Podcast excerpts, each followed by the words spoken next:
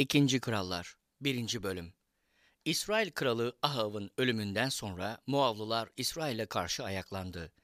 İsrail kralı Ahazya, Samiriye'de yaşadığı sarayın üst katındaki kafesli pencereden düşüp yaralandı.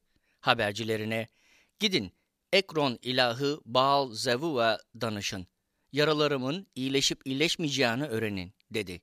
Ama Rabbin meleği Tişbeli İlyas'a şöyle dedi. Kalk, Samiriye kralının habercilerini karşıla ve onlara de ki, İsrail'de Tanrı yok mu ki ekran ilahi Baal Zevuv'a danışmaya gidiyorsunuz?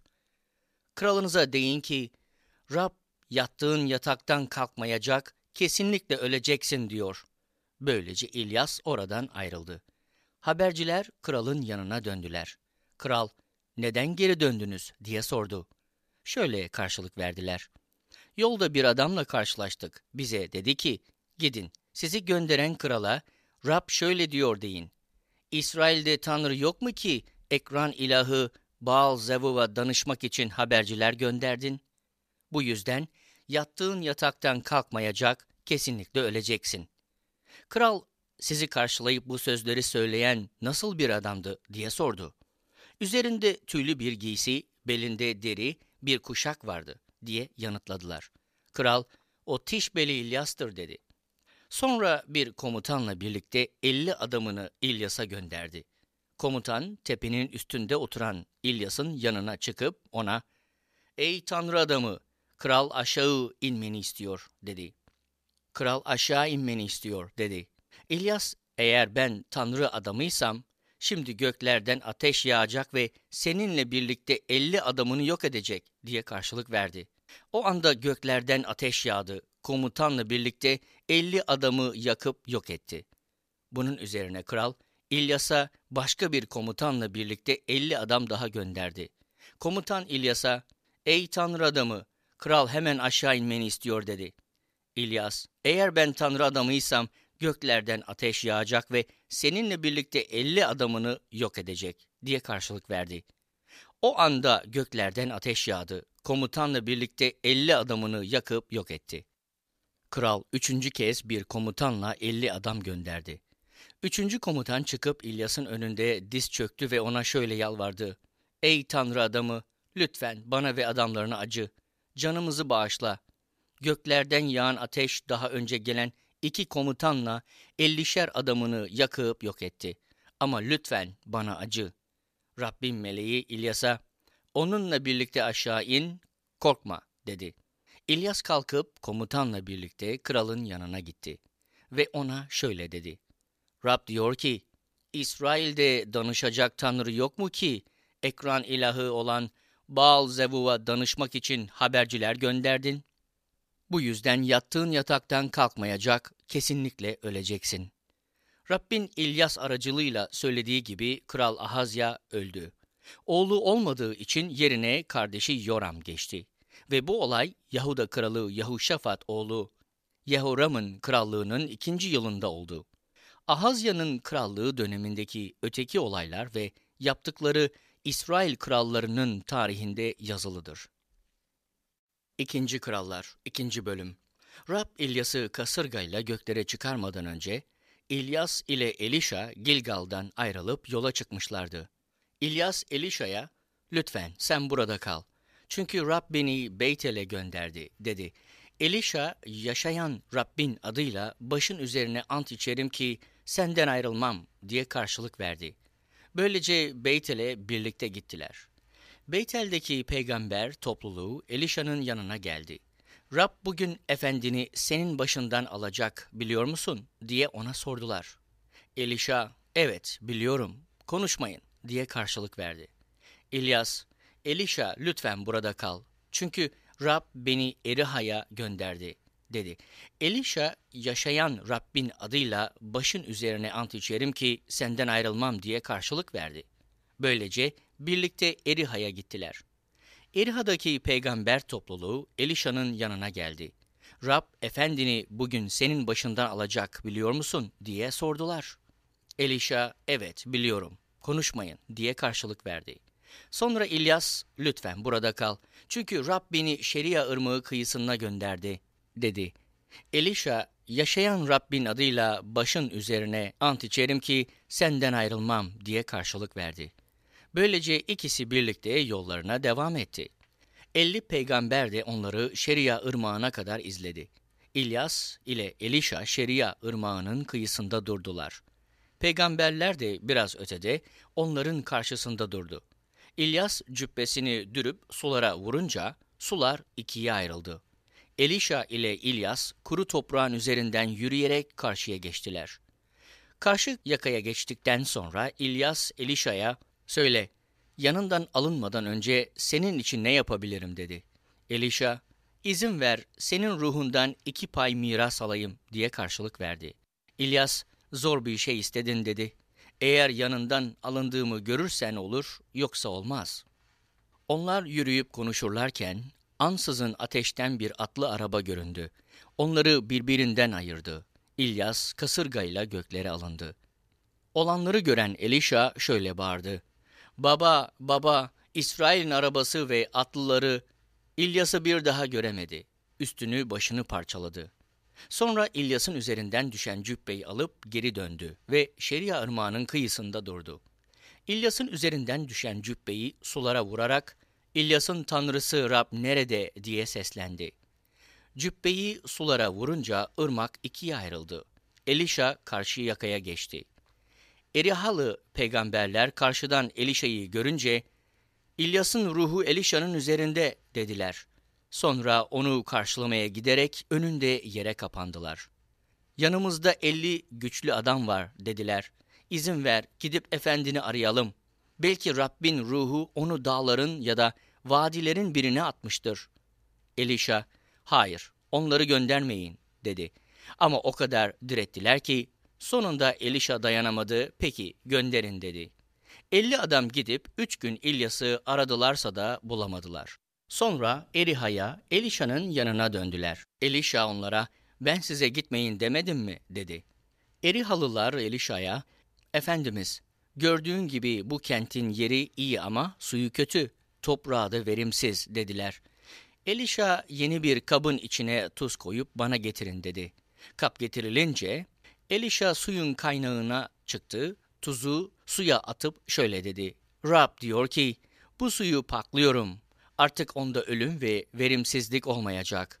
Elişa'nın söylediği gibi su bugüne dek temiz kaldı. Elişa oradan ayrılıp Beytel'e giderken kentin küçük çocukları yola döküldüler.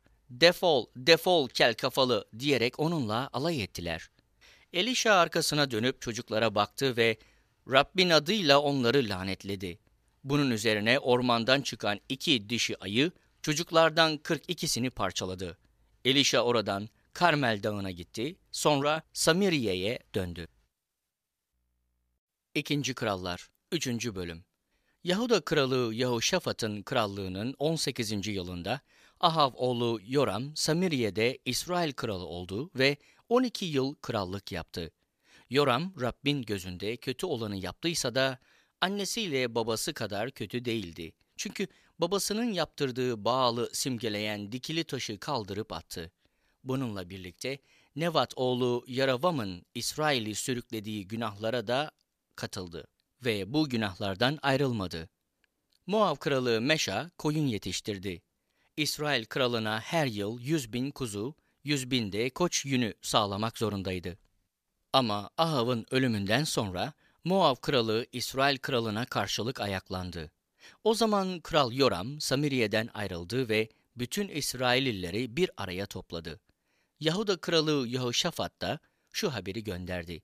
Moav kralı bana baş kaldırdı, benimle birlikte Moavlılara karşı savaşır mısın? Yehoşafat, evet savaşırım. Beni kendin, halkımı halkın, atlarımı atların say dedi. Sonra hangi yönden saldıralım diye sordu. Yoram, Edom kırlarından diye karşılık verdi. İsrail, Yahuda ve Edom kralları birlikte yola çıktılar. Dolambaçlı yollarda yedi gün ilerledikten sonra suları tükendi. Askerler ve hayvanlar susuz kaldı. İsrail kralı eyvah diye bağırdı. Rab Muavluların eline teslim etmek için mi üçümüzü bir araya topladı? Yehoşafat, burada Rabbin peygamberi yok mu? Onun aracılığıyla Rabbe danışalım, dedi.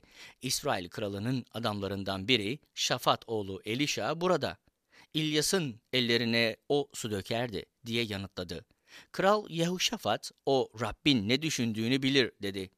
Bunun üzerine Yehoşafat, İsrail ve Edom kralları birlikte Elişa'nın yanına gittiler.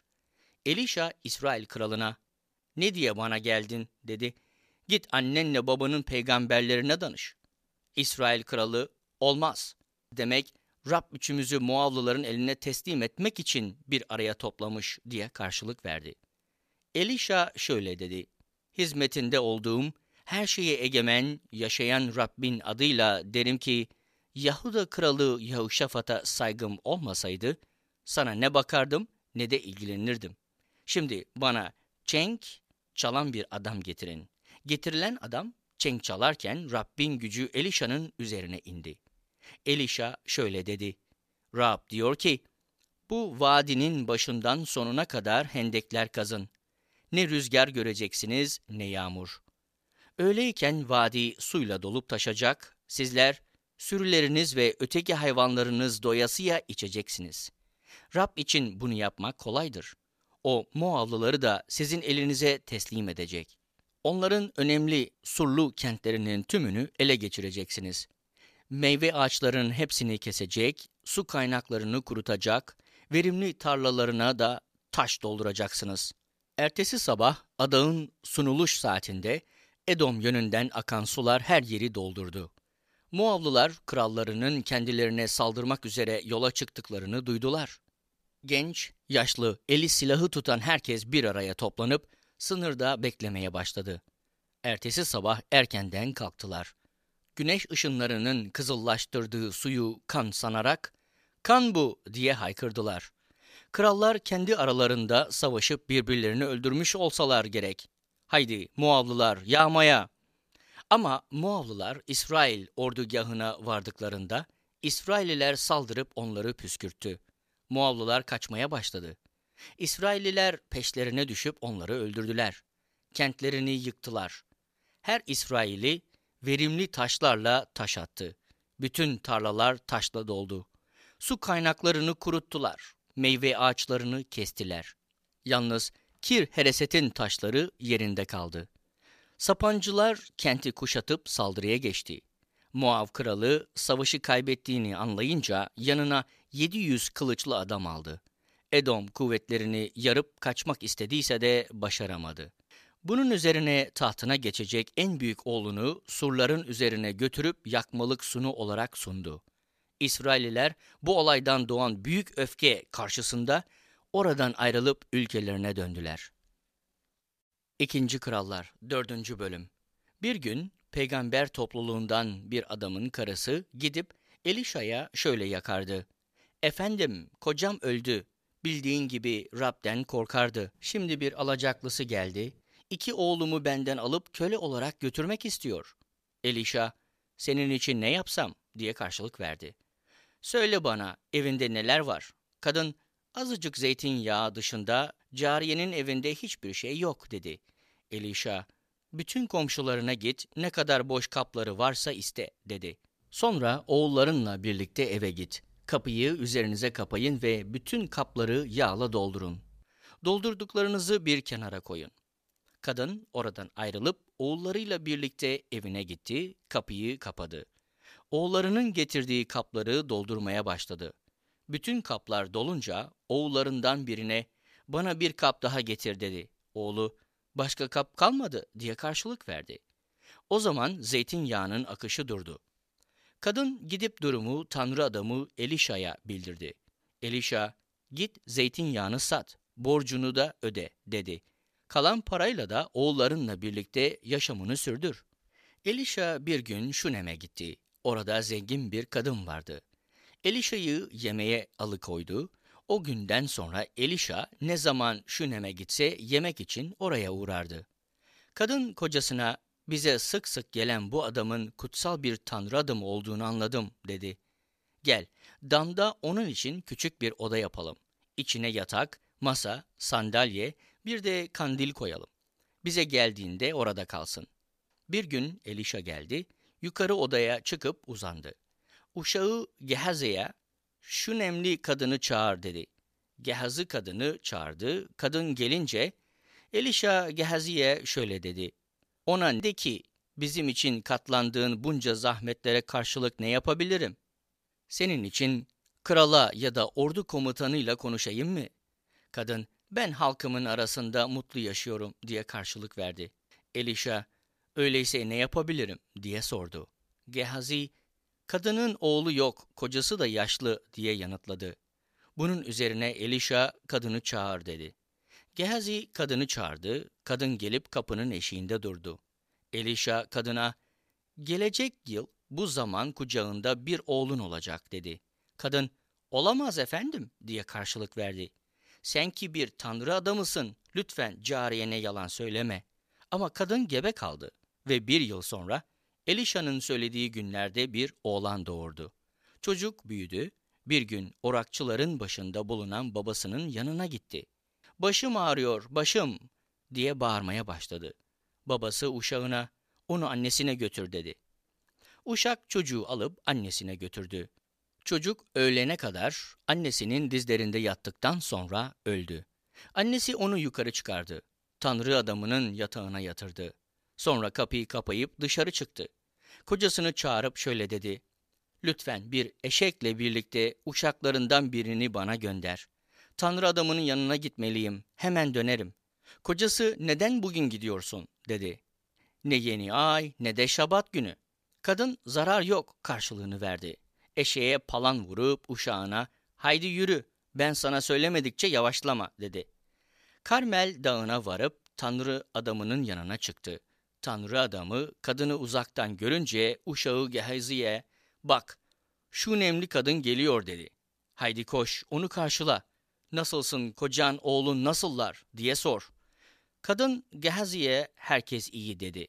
Kadın dağa çıkıp Tanrı adamının yanına varınca onun ayaklarına sarıldı. Gehazi kadını uzaklaştırmak istediyse de Tanrı adamı kadını rahat bırak dedi. Çünkü acı çekiyor.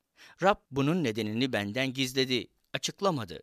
Kadın ona, efendim ben senden çocuk istedim mi? dedi. Beni umutlandırma demedim mi? Elişa Gehazi'ye, hemen kemerini kuşan, değneğini al, koş dedi. Biriyle karşılaşırsan selam verme. Biri seni selamlarsa karşılık verme. Git, değneğimi çocuğun yüzüne tut. Çocuğun annesi yaşayan Rabbin adıyla başın üzerine ant içerim ki senden ayrılmayacağım dedi. Sonra Gehazi ile birlikte yola çıktı. Gehazi önden gidip değneği çocuğun yüzüne tuttu. Ama ne bir ses vardı ne de bir yanıt. Bunun üzerine Gehazi geri dönüp Elişa'yı karşıladı ve ona çocuk dirilmedi diye haber verdi. Elişa eve vardığında çocuğu yatağında ölü buldu. İçeri girdi, kapıyı kapayıp Rabbe yalvarmaya başladı. Sonra ağzı çocuğun ağzının gözleriyle elleri de çocuğun gözleriyle ellerinin üzerine gelecek biçimde yatağa çocuğun üzerine kapandı. Çocuğun bedeni ısınmaya başladı. Elişa kalkıp odanın içinde sağa sola gezindi. Sonra yine dönüp çocuğun üzerine kapandı. Çocuk yedi kez aksırdı ve gözlerini açtı. Elişa Gehazi'ye, şu nemli kadını çağır diye seslendi. Gehazi kadını çağırdı. Kadın gelince Elişa al oğlunu dedi. Kadın Elişa'nın ayaklarına kapandı. Yerlere kadar eğildi. Sonra çocuğunu alıp gitti. Elişa Gilgal'a döndü. Ülkede kıtlık vardı. Elişa bir peygamber topluluğuyla otururken uşağına büyük tencereyi ateşe koy, peygamberlere çorba pişir dedi. Biri ot toplamak için tarlaya gitti ve yabanıl bir bitki buldu. Bitkiden bir etek dolusu yaban kabağı topladı, getirip tencereye doğradı. Bunların ne olduğunu kimse bilmiyordu. Çorba yenmek üzere boşaltıldı ama adamlar çorbayı tadar tatmaz. Ey Tanrı adamı zehirli bu diye bağırdılar ve yiyemediler. Elişa biraz un getirin dedi. Unu tencereye atıp koy önlerine yesinler dedi. Tencerede zararlı bir şey kalmadı. Baal Şalişa'dan bir adam geldi. Tanrı adamına o yıllık ilk biçilen arpadan yapılmış 20 ekmekle taze buğday başağı getirdi. Elişa uşağına, bunları halka dağıt yesinler dedi. Uşak, nasıl olur? Bu yüz kişinin önüne konur mu? diye sordu. Elişa, halka dağıt yesinler diye karşılık verdi. Çünkü Rab diyor ki, yiyecekler birazı da artacak. Bunun üzerine uşak yiyecekleri halkın önüne koydu. Rabbin sözü uyarınca halk yedi, birazı da arttı. İkinci Krallar 5. Bölüm Aram kralının ordu komutanı Naaman, efendisinin gözünde saygın, değerli bir adamdı. Çünkü Rab onun aracılığıyla Aramlıları zafere ulaştırmıştı. Naaman yiğit bir askerdi ama cüzzamlıydı. Aramlılar düzenledikleri akınlar sırasında İsrail'den küçük bir kızı tutsak almışlardı. Bu kız Naam'ın karısının hizmetine verilmişti.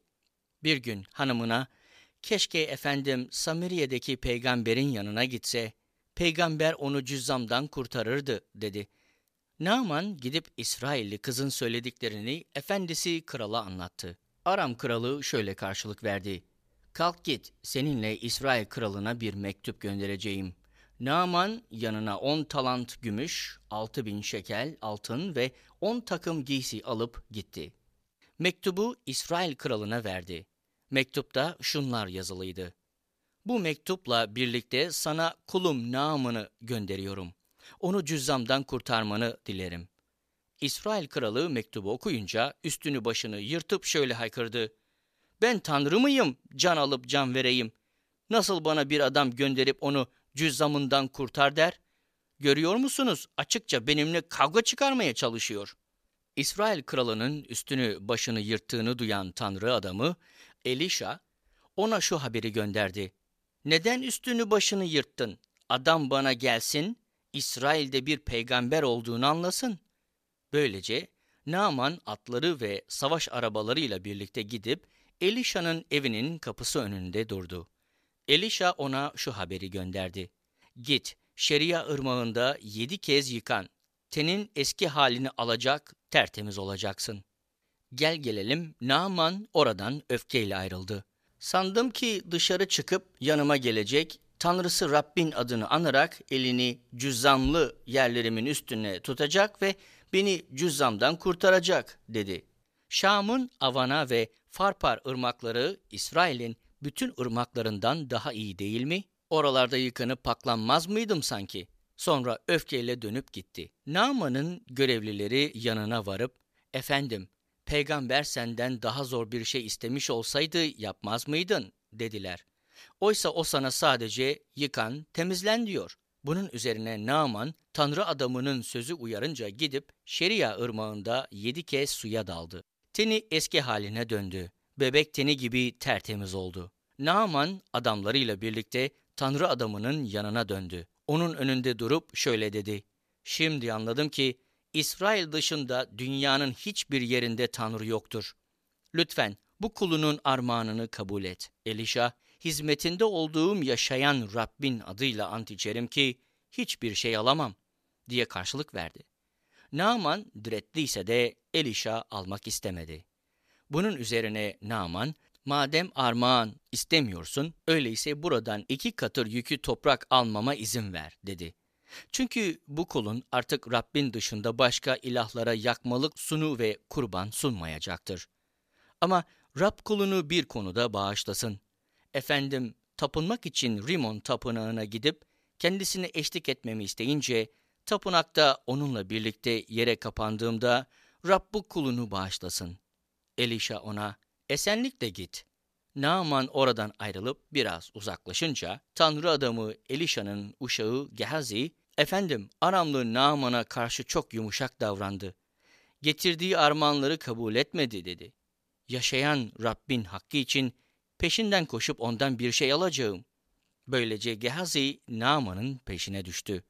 Naaman ardından birinin koştuğunu görünce arabasından inip onu karşıladı ve ne oldu diye sordu. Gehazi bir şey yok dedi. Yalnız efendimin bir ricası var. Biraz önce Efraim'in dağlık bölgesinden iki genç peygamber geldi. Efendim onlara bir talant gümüşle iki takım giysi vermen için beni gönderdi. Naaman lütfen iki talant al dedi ve ısrarla iki talant gümüşü iki torbaya koyup bağladı. Ayrıca iki uşağına da birer takım giysi verdi. Uşaklar Gehazi'nin önü sıra bunları taşıdılar. Tepeye varınca Gehazi eşyaları ellerinden alıp eve koydu. Adamları da geri gönderdi. Sonra gidip efendisi Elişa'nın huzuruna çıktı. Elişa, neredeydin Gehazi diye sordu.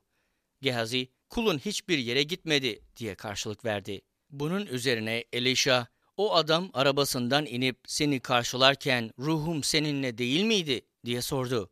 Şimdi gümüş ya da giysi, zeytinlik, bağ, koyun, sığır, köle, cariye almanın zamanı mı? Bu yüzden Naaman'ın cüzamı sonsuza dek senin ve soyunun üzerinde kalacak. Böylece Gehazi, Elişa'nın huzurundan kar gibi beyaz bir cüzzamlı olarak ayrıldı. İkinci Krallar 6. Bölüm Bir gün peygamber topluluğu Elişa'ya, ''Bak yaşadığımız yer bize küçük geliyor.'' dedi. ''Lütfen izin ver. Şeria ırmağı kıyısına gidelim, ağaç kesip kendimize ev yapalım.'' Elişa gidin dedi. Peygamberlerden biri, ''Lütfen kullarımla birlikte sen de gel.'' dedi. Elişa, ''Olur, gelirim.'' diye karşılık verdi ve onlarla birlikte gitti. Şeria ırmağı kıyısına varınca ağaç kesmeye başladılar. Biri ağaç keserken balta demirini suya düşürdü. Eyvah efendim onu ödünç almıştım diye bağırdı. Tanrı adamı nereye düştü diye sordu. Adam ona demirin düştüğü yeri gösterdi. Elisha bir dal kesip oraya atınca balta demiri su yüzüne çıktı. Elisha al onu dedi. Adam elini uzatıp balta demirini aldı. Aram kralı İsrail ile savaş halindeydi. Görevlilerine danıştıktan sonra ordugahımı kuracak bir yer seçtim dedi. Tanrı adamı Elisha İsrail kralına şu haberi gönderdi. Sakın oradan geçmeyin çünkü Aramlılar oraya doğru iniyorlar. İsrail kralı adam gönderip oradaki durumu denetledi. Böylece Tanrı adamı İsrail kralını birkaç kez uyardı. Kral da önlem aldı. Bu durum Aram kralını çok öfkelendirdi. Görevlilerini çağırıp İçinizden hanginizin İsrail kralından yana olduğunu söylemeyecek misiniz? dedi. Görevlilerden biri, hiçbirimiz efendim ve kralım diye karşılık verdi. Yalnız İsrail'de yaşayan peygamber Elisha senin yatak odanda söylediklerini bile İsrail kralına bildiriyor. Aram kralı şöyle buyurdu. Gidip onun nerede olduğunu öğrenin. Adam gönderip onu yakalayacağım. Elisha'nın Dotan'da olduğu bildirilince kral oraya atlılar, savaş arabaları ve büyük bir kuvvet gönderdi. Geceleyin varıp kenti kuşattılar. Tanrı adamının uşağı erkenden kalktı. Dışarıya çıkınca kentin askerler, atlılar, savaş arabalarınca kuşatıldığını gördü. Dönüp Elişa'ya, eyvah efendim ne yapacağız diye sordu. Elişa, korkma çünkü bizim yandaşlarımız onlarınkinden daha çok diye karşılık verdi. Sonra şöyle dua etti. Ya Rab lütfen onun gözlerini aç, görsün. Rab uşağın gözlerini açtı. Uşak Elişa'nın çevresindeki dağlarının atlılarla, ateşten savaş arabalarıyla dolu olduğunu gördü. Aramlılar kendisine doğru ilerleyince Elişa Rab'be şöyle yalvardı. Ya Rab lütfen bu halkı kör et. Rab Elişa'nın yalvarışını duydu ve onları kör etti. Bunun üzerine Elişa onlara yanlış yoldasınız dedi. Aradığınız kent bu değil. Beni izleyin, sizi aradığınız adama götüreyim. Sonra onları Samiriye'ye götürdü. Samiriye'ye girdiklerinde Elisha şöyle dua etti. Ya Rab, bu adamların gözlerini aç, görsünler. Rab gözlerini açınca adamlar Samiriye'nin ortasında olduklarını anladılar. İsrail kralı adamları görünce Elişa'ya, onları öldüreyim mi? Öldüreyim mi baba dedi. Elişa, hayır öldürme diye karşılık verdi.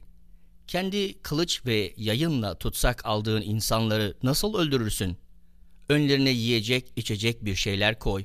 Yiyip içtikten sonra izin ver, krallarına dönsünler. Bunun üzerine İsrail kralı adamlara büyük bir şölen verdi. Yedirip içirdikten sonra da onları krallarına gönderdi. Aramlı akıncılar bir daha İsrail topraklarına ayak basmadılar. Bir süre sonra Aram kralı Ben Hadad bütün ordusunu toplayıp İsrail'e girdi ve Samire'yi kuşattı. Samire'de büyük bir kıtlık oldu. Kuşatma sonunda bir eşek kellesinin fiyatı 80 şekel gümüşe, Bir kavın dörtte biri güvercin gübresinin fiyatı ise beş şekel gümüşe çıktı.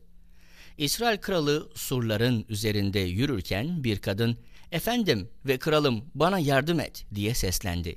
Kral ''Rab sana yardım etmiyorsa ben nasıl yardım edebilirim ki?'' diye karşılık verdi. ''Buğday mı yoksa şarap mı istersin? Derdin ne?'' Kadın şöyle yanıtladı. ''Geçen gün şu kadın bana dedi ki oğlunu ver bugün yiyelim yarın da benim oğlumu yeriz. Böylece oğlumu pişirip yedik. Ertesi gün ona oğlunu ver de yiyelim dedim ama o oğlunu gizledi. Kadının bu sözlerini duyan kral üstünü başını yırttı. Surların üzerinde yürürken halk onun giysilerinin altına çul giydiğini gördü. Kral, eğer bugün Şafat oğlu Elişa'nın başı yerinde kalırsa, Tanrı bana da aynısını hatta daha kötüsünü yapsın dedi. Elişa o sırada halkın ileri gelenleriyle birlikte evinde oturuyordu. Kral önden bir haberci gönderdi. Ama daha haberci gelmeden Elişa ileri gelenlere ''Görüyor musunuz caniyi?'' dedi. ''Kalkmış başımı kestirmek için adam gönderiyor. Haberci geldiğinde kapıyı kapayın. Onu içeri almayın. Çünkü ardından efendisi kral da gelecek.'' Elişa konuşmasını bitirmeden haberci yanına geldi ve ''Bu felaket Rab'dendir.'' dedi. ''Neden hala Rabbi bekleyeyim?'' İkinci Krallar 7. Bölüm Elisha Rabbin sözüne kulak verin dedi. Rab diyor ki, yarın bu saatlerde Samiriya kapısında bir seya ince un da iki seya arpada birer şekele satılacak. Kralın özel yardımcısı olan komutan, Tanrı adamına Rab göklerin kapaklarını açsa bile olacak şey değil bu dedi. Elisha, sen her şeyi gözlerinle göreceksin ama onlardan hiçbir şey yiyemeyeceksin diye karşılık verdi. Kent kapısının girişinde dört cüzzamlı adam vardı. Birbirlerine ne diye ölene dek burada kalalım diyorlardı. Kente girelim desek orada kıtlık var, ölürüz. Burada kalsak da öleceğiz. Bari gidip Aram ordugahına teslim olalım. Canımızı bağışlarlarsa yaşarız, öldürürlerse de öldürsünler. Akşam karanlığında kalkıp Aram ordugahına doğru gittiler. Ordugaha yaklaştıklarında orada kimseyi göremediler. Çünkü Rab Aram ordugahında savaş arabalarıyla, atlarıyla yaklaşan büyük bir ordunun çıkardığı seslerin duyulmasını sağlamıştı. Aramlılar da birbirlerine, bakın İsrail kralı bize saldırmak için Hitit ve Mısır krallarını kiralamış demişlerdi. Böylece gün batarken çadırlarını, atlarını, eşeklerini bırakıp kaçmışlar, canlarını kurtarmak için ordugahı olduğu gibi bırakmışlardı. Cüzzamlı adamlar ordugaha varıp çadırların birine girdiler. Yiyip içtikten sonra oradaki altın, gümüş ve giysileri götürüp gizlediler. Sonra dönüp başka bir çadıra girdiler. Orada bulduklarını da götürüp gizlediler. Ardından birbirlerine yaptığımız doğru değil dediler. Bugün müjde günü, oysa biz susuyoruz. Gün doğuncaya kadar beklersek cezaya çarptırılacağımız kesin. Haydi kralın sarayına gidip durumu bildirelim. Böylece gidip kent kapısındaki nöbetçilere seslendiler. Aram ordugahına gittik dediler. Hiç kimseyi göremedik. Ne de bir insan sesi duyduk. Yalnızca bağlı atlar, eşekler vardı. Çadırları da olduğu gibi bırakıp gitmişler. Kapı nöbetçileri haberi duyurdu. Haber kralın sarayına ulaştırıldı. Kral gece kalkıp görevlilerine Aramlıların ne tasarladığını size söyleyeyim dedi. Aç kaldığımızı biliyorlar. Onun için ordugahlarını bırakıp kırda gizlenmişler. Kentin dışına çıktığımızda bizi canlı yakalayıp kenti ele geçirmeyi düşünüyorlar. Görevlilerden biri, kentte kalan beş atla birkaç adam gönderelim. O zaman durumu anlarız dedi. Nasıl olsa gidecek olanlar da burada. Kentte kalan nice İsrailli gibi ölüme mahkum. Adamlar yanlarına iki atlı araba aldılar. Kral, gidin ne olduğunu öğrenin diyerek onları Aram ordusunun ardından gönderdi. Adamlar Şeria ırmağına kadar Aram ordusunu izlediler. Yol baştan sona kadar Aramlıların kaçarken attıkları giysi ve eşyalarla doluydu. Haberciler dönüp krala durumu bildirdiler.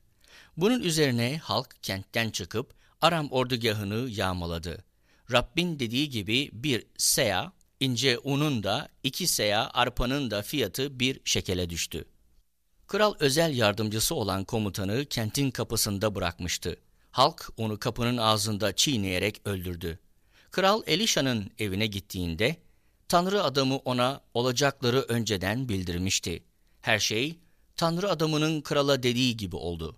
Yarın bu saatlerde Samiriya kapısında bir ölçek ince unda, iki ölçek arpada birer şekele satılacak demişti. Komutan da Tanrı adamına şöyle karşılık vermişti. Rab göklerin kapaklarını açsa bile olacak şey değil bu. Elişa, sen her şeyi gözlerine görecek ama onlardan hiçbir şey yiyemeyeceksin demişti. Tam dediği gibi oldu. Komutan kentin kapısında halk tarafından çiğnenerek öldü. İkinci Krallar 8. Bölüm Elişa oğlunu diriltmiş olduğu Şünemli kadına şöyle demişti. Kalk, ailenle birlikte buradan git. Geçici olarak kalabileceğin bir yer bul. Çünkü Rab ülkeye yedi yıl sürecek bir kıtlık göndermeye karar verdi. Kadın, Tanrı adamının öğüdüne uyarak ailesiyle birlikte kalkıp Filist ülkesine gitti ve orada yedi yıl kaldı. Yedi yıl sonra Filist'ten döndü. Evini, tarlasını geri almak için kraldan yardım istemeye gitti.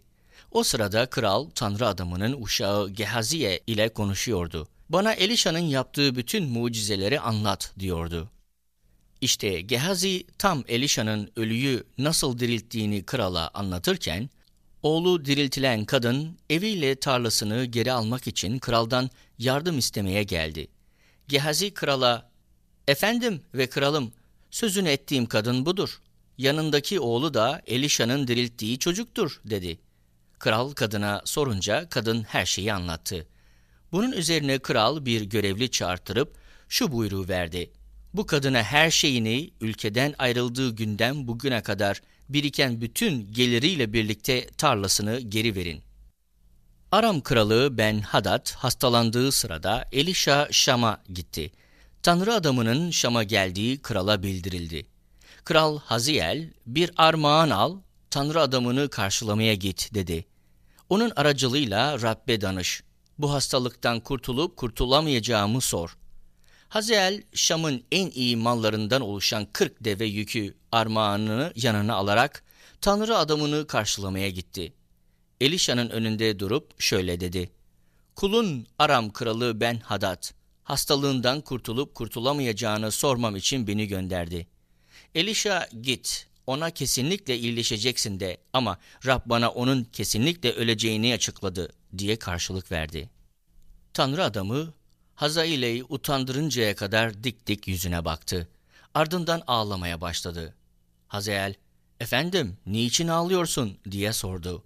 Elişa, senin İsrail halkına yapacağın kötülükleri biliyorum diye yanıtladı. Kalelerini ateşe verecek, gençlerini kılıçtan geçirecek, çocuklarını yere çalıp öldürecek, gebe kadınlarının karınlarını deşeceksin. Hazael, bir köpekten farksız olan bu kulun bütün bu işleri nasıl yapabilir dedi. Elisha, Rab bana senin Aram kralı olacağını gösterdi diye yanıtladı. Bunun üzerine Hazael, Elişa'dan ayrılıp efendisi Ben Hadad'ın yanına döndü. Ben Hadad ona, Elişa sana ne söyledi diye sordu. Hazael, kesinlikle iyileşeceğini söyledi diye yanıt verdi. Gel gelelim ertesi gün Hazael ıslattığı bir örtüyü kralın yüzüne kapatıp onu boğdu. Böylece kral öldü. Yerine Hazael geçti.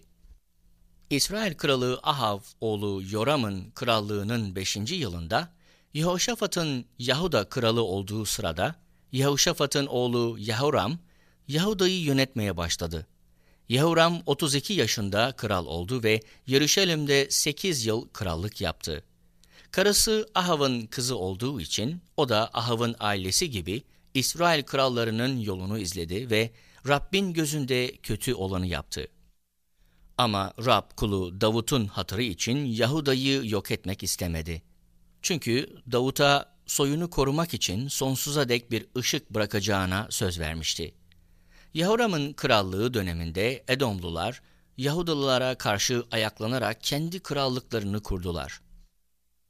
Yahuram bütün savaş arabalarıyla Sayir'e gitti.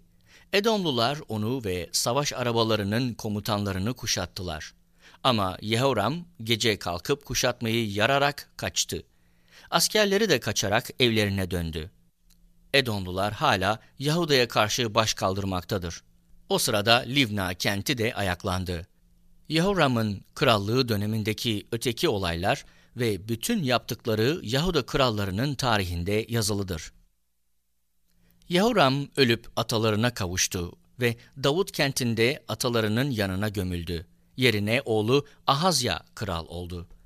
İsrail kralı Ahav oğlu Yoram'ın krallığının 12. yılında Yehoram oğlu Ahazya Yahuda kralı oldu. Ahazya 22 yaşında kral oldu ve Yeruşalim'de bir yıllık krallık yaptı. Annesi İsrail kralı Omri'nin torunu Atalya'ydı. Ahazya evlilik yoluyla Ahav'a akraba olduğu için Ahav ailesinin yolunu izledi ve onlar gibi Rabbin gözünde kötü olanı yaptı. Ahazya Aram kralı Hazael'le savaşmak üzere Ahav oğlu Yoram'la birlikte Ramot Gilat'a gitti. Aramlılar Yoram'ı yaraladılar. Kral Yoram Ramot Gilat'ta Aram kralı Hazel'le savaşırken aldığı yaralarının iyileşmesi için Yizrel'e döndü. Yahuda kralı Yehoram, oğlu Ahazya da yaralanan Ahav oğlu Yoram'ı görmek için Yizreel'e gitti. İkinci Krallar 9. Bölüm Peygamber Elişa, peygamberler topluluğundan bir adam çağırıp, kemerini kuşan bu yağ kabını alıp Ramon Gilat'a git dedi. Oraya varınca Nimşi oğlu Yahoşafat oğlu Yahuya ara. Onu kardeşlerinin arasından alıp başka bir odaya götür. Zeytinyağını başına dök ve ona Rab şöyle diyor de. Seni İsrail kralı olarak meshettim. Sonra kapıyı aç ve koş, oyalanma. Böylece peygamberin uşağı Ramot Gilat'a gitti. Oraya vardığında ordu komutanlarının bir arada oturduklarını gördü. Komutanım sana bir haberim var dedi. Yahu hangimize söylüyorsun diye sordu. Uşak sana efendim diye yanıtladı. Yahu kalkıp eve girdi. Uşak yağı Yahu'nun başına döküp ona şöyle dedi. İsrail'in tanrısı Rab diyor ki, seni halkım İsrail'in kralı olarak mesettim. Efendim, Ahav'ın ailesini öldüreceksin. Bana hizmet eden peygamberlerin ve bütün kullarımın dökülen kanının öcünü İzevel'den alacağım. Ahav'ın bütün soyu ortadan kalkacak. İsrail'de genç, yaşlı, Ahav'ın soyundan gelen bütün erkeklerin kökünü kurutacağım. Nevat oğlu Yaravam'la Ahiya oğlu Bağışan'ın ailelerine ne yaptımsa Ahav'ın ailesine de aynısını yapacağım. İsrail topraklarında İzevel'in ölüsünü köpekler yiyecek ve onu gömen olmayacak. Uşak bunları söyledikten sonra kapıyı açıp kaçtı. Yahu komutan arkadaşlarının yanına döndü. İçlerinden biri her şey yolunda mı? O delinin seninle ne işi vardı diye sordu. Yahu onu tanıyorsunuz, neler saçmaladığını bilirsiniz diye karşılık verdi. Hayır, bilmiyoruz. Ne söyledi? Anlat bize dediler. Yahu şöyle yanıtladı. Bana Rab şöyle diyor dedi. Seni İsrail kralı olarak mesettim. Bunun üzerine hepsi hemen cübbelerini çıkarıp merdivenin başında duran Yahu'nun ayaklarına serdi. Boru çalarak Yahu kraldır diye bağırdılar. Nimşi oğlu Yahuşafat oğlu Yahu, Yoram'a karşı bir düzen kurdu. O sıralarda Yoram ile İsrail halkı Aram kralı Hazael'e karşı Ramot Gilat'ı savunuyordu. Ancak kral Yoram, Aram kralı Hazael'le savaşırken Aramlılar onu yaralamıştı. Yoram da yaraların iyileşmesi için Yizrel'e dönmüştü. Yahu arkadaşlarına eğer siz de benimle aynı görüşteyseniz, hiç kimsenin kentten kaçmasına ve gidip durumu Yizreel'e bildirmesine izin vermeyin, dedi. Yahu savaş arabasına binip Yizreel'e gitti. Çünkü Yoram orada hasta yatıyordu. Yahuda kralı Ahazya da Yoram'ı görmek için oraya gitmişti. Yizreel'le kulede nöbet tutan gözcü Yahu'nun ordusuyla yaklaştığını görünce bir kalabalık görüyorum diye bağırdı. Yoram, bir atlı gönder, onu karşılasın. Barış için gelip gelmediğini sorsun dedi. atlı Yahu'yu karşılamaya gitti ve ona ''Kralımız barış için mi geldin?'' diye soruyor dedi. Yahu ''Barıştan sana ne? Sen beni izle.'' diye karşılık verdi. Gözcü durumu krala bildirdi. Ulak onlara vardı ama geri dönmedi. Bu kez ikinci bir atlı gönderildi. Atlı onlara varıp kralımız barış için mi geldin diye soruyor dedi. Yahu barıştan sana ne? Sen beni izle diye karşılık verdi. Gözcü durumu krala bildirdi. Ulak onlara vardı ama geri dönmedi. Komutanları savaş arabasını Nimşi oğlu Yehu gibi delicesine sürüyor. Kral Yoram arabamı hazırlayın diye buyruk verdi. Arabası hazırlandı. İsrail kralı Yoram ile Yahuda kralı Ahazya arabalarına binip Yahu'yu karşılamaya gittiler. İsrailli Navot'un topraklarında onunla karşılaştılar. Yoram Yahu'yu görünce barış için mi geldin diye sordu Yahu. Annen İzevel'in yaptığı bunca puta tapanlık ve büyücülük sürüp giderken barıştan söz edilir mi diye karşılık verdi. Yoram, hainlik bu Ahazya diye bağırdı ve arabasının dizginlerini çevirip kaçtı.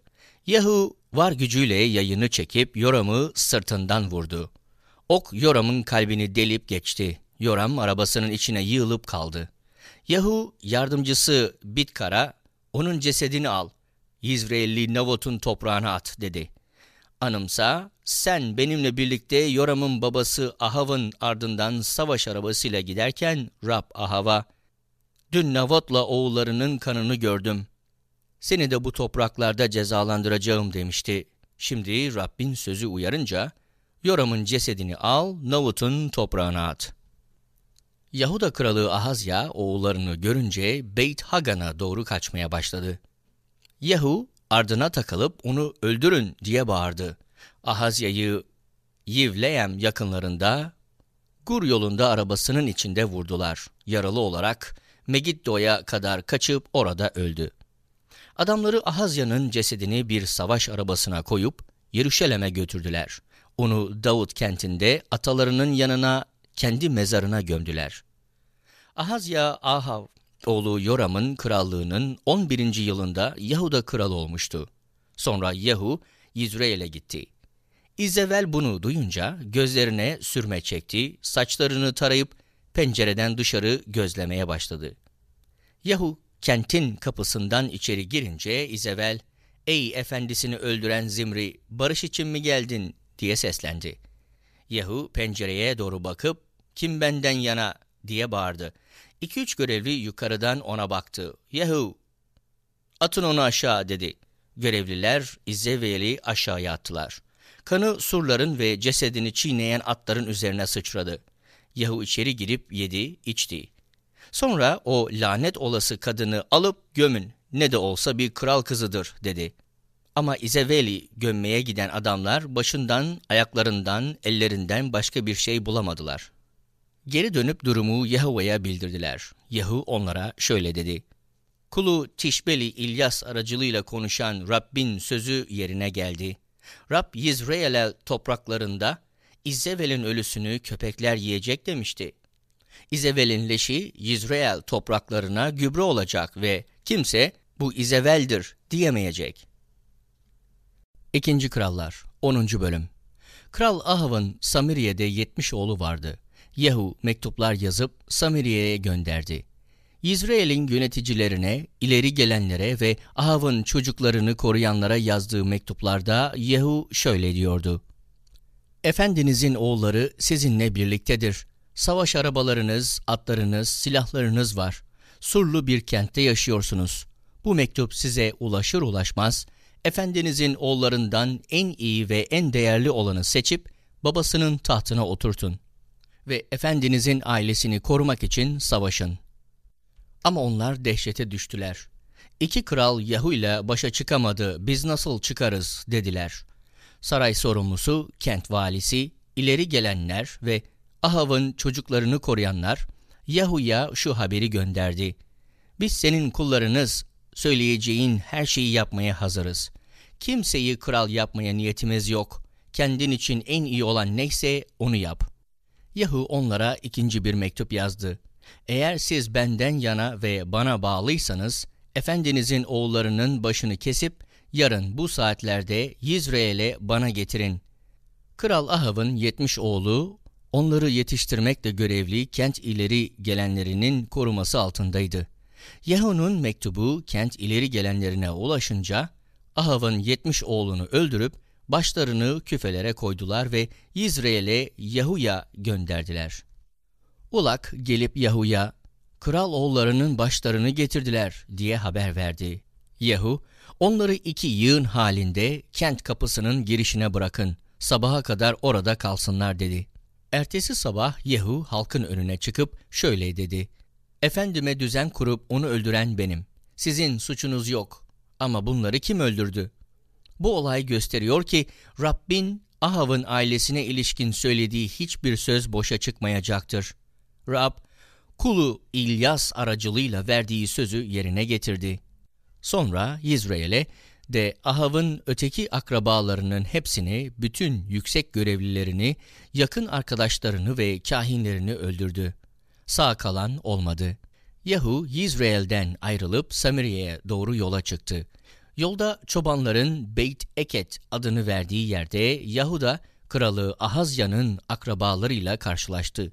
Onlara siz kimsiniz diye sordu. Biz Ahazya'nın akrabalarıyız diye karşılık verdiler. Kralın ve ana kraliçe İzevel'in çocuklarına saygılarımızı sunmaya gidiyoruz. Yahu adamlarına bunları diri yakalayın diye buyruk verdi. Onları diri yakalayıp Beyk Eket kuyusu yanında kılıçtan geçirdiler. Öldürülenler 42 kişiydi. Sağ kalan olmadı. Yahu oradan ayrıldı, yolda kendisine doğru gelen Rekav oğlu Yahonadav'la karşılaştı. Ona selam vererek, ben sana karşı iyi duygular besliyorum, sen de aynı duygulara sahip misin? diye sordu. Yahonadav, evet diye yanıtladı. Yahu, öyleyse elini ver, dedi. Yahonadav elini uzattı. Yehu onu arabasına alarak, benimle gel ve Rab için nasıl çaba harcadığımı gör, dedi.'' Sonra onu arabasıyla Samriye'ye götürdü. Samriye'ye varınca Yehu, Rabbin İlyas aracılığıyla söylediği gibi Ahav'ın orada kalan akrabalarının hepsini öldürdü. Yehu bütün halkı toplayarak, Ahav Baal'a az kulluk etti, ben daha çok edeceğim dedi. Baal'ın bütün peygamberlerini, kahinlerini, ona tapan herkesi çağırın. Hiçbiri gelmemezlik etmesin. Çünkü Baal'a büyük bir kurban sunacağım. Kim gelmezse öldürülecek. Gerçekte Yehu Baal'a tapanları yok etmek için bir düzen kurmaktaydı. Yehu, Baal'ın onuruna bir toplantı yapılacağını duyurun dedi. Duyuru yapıldı.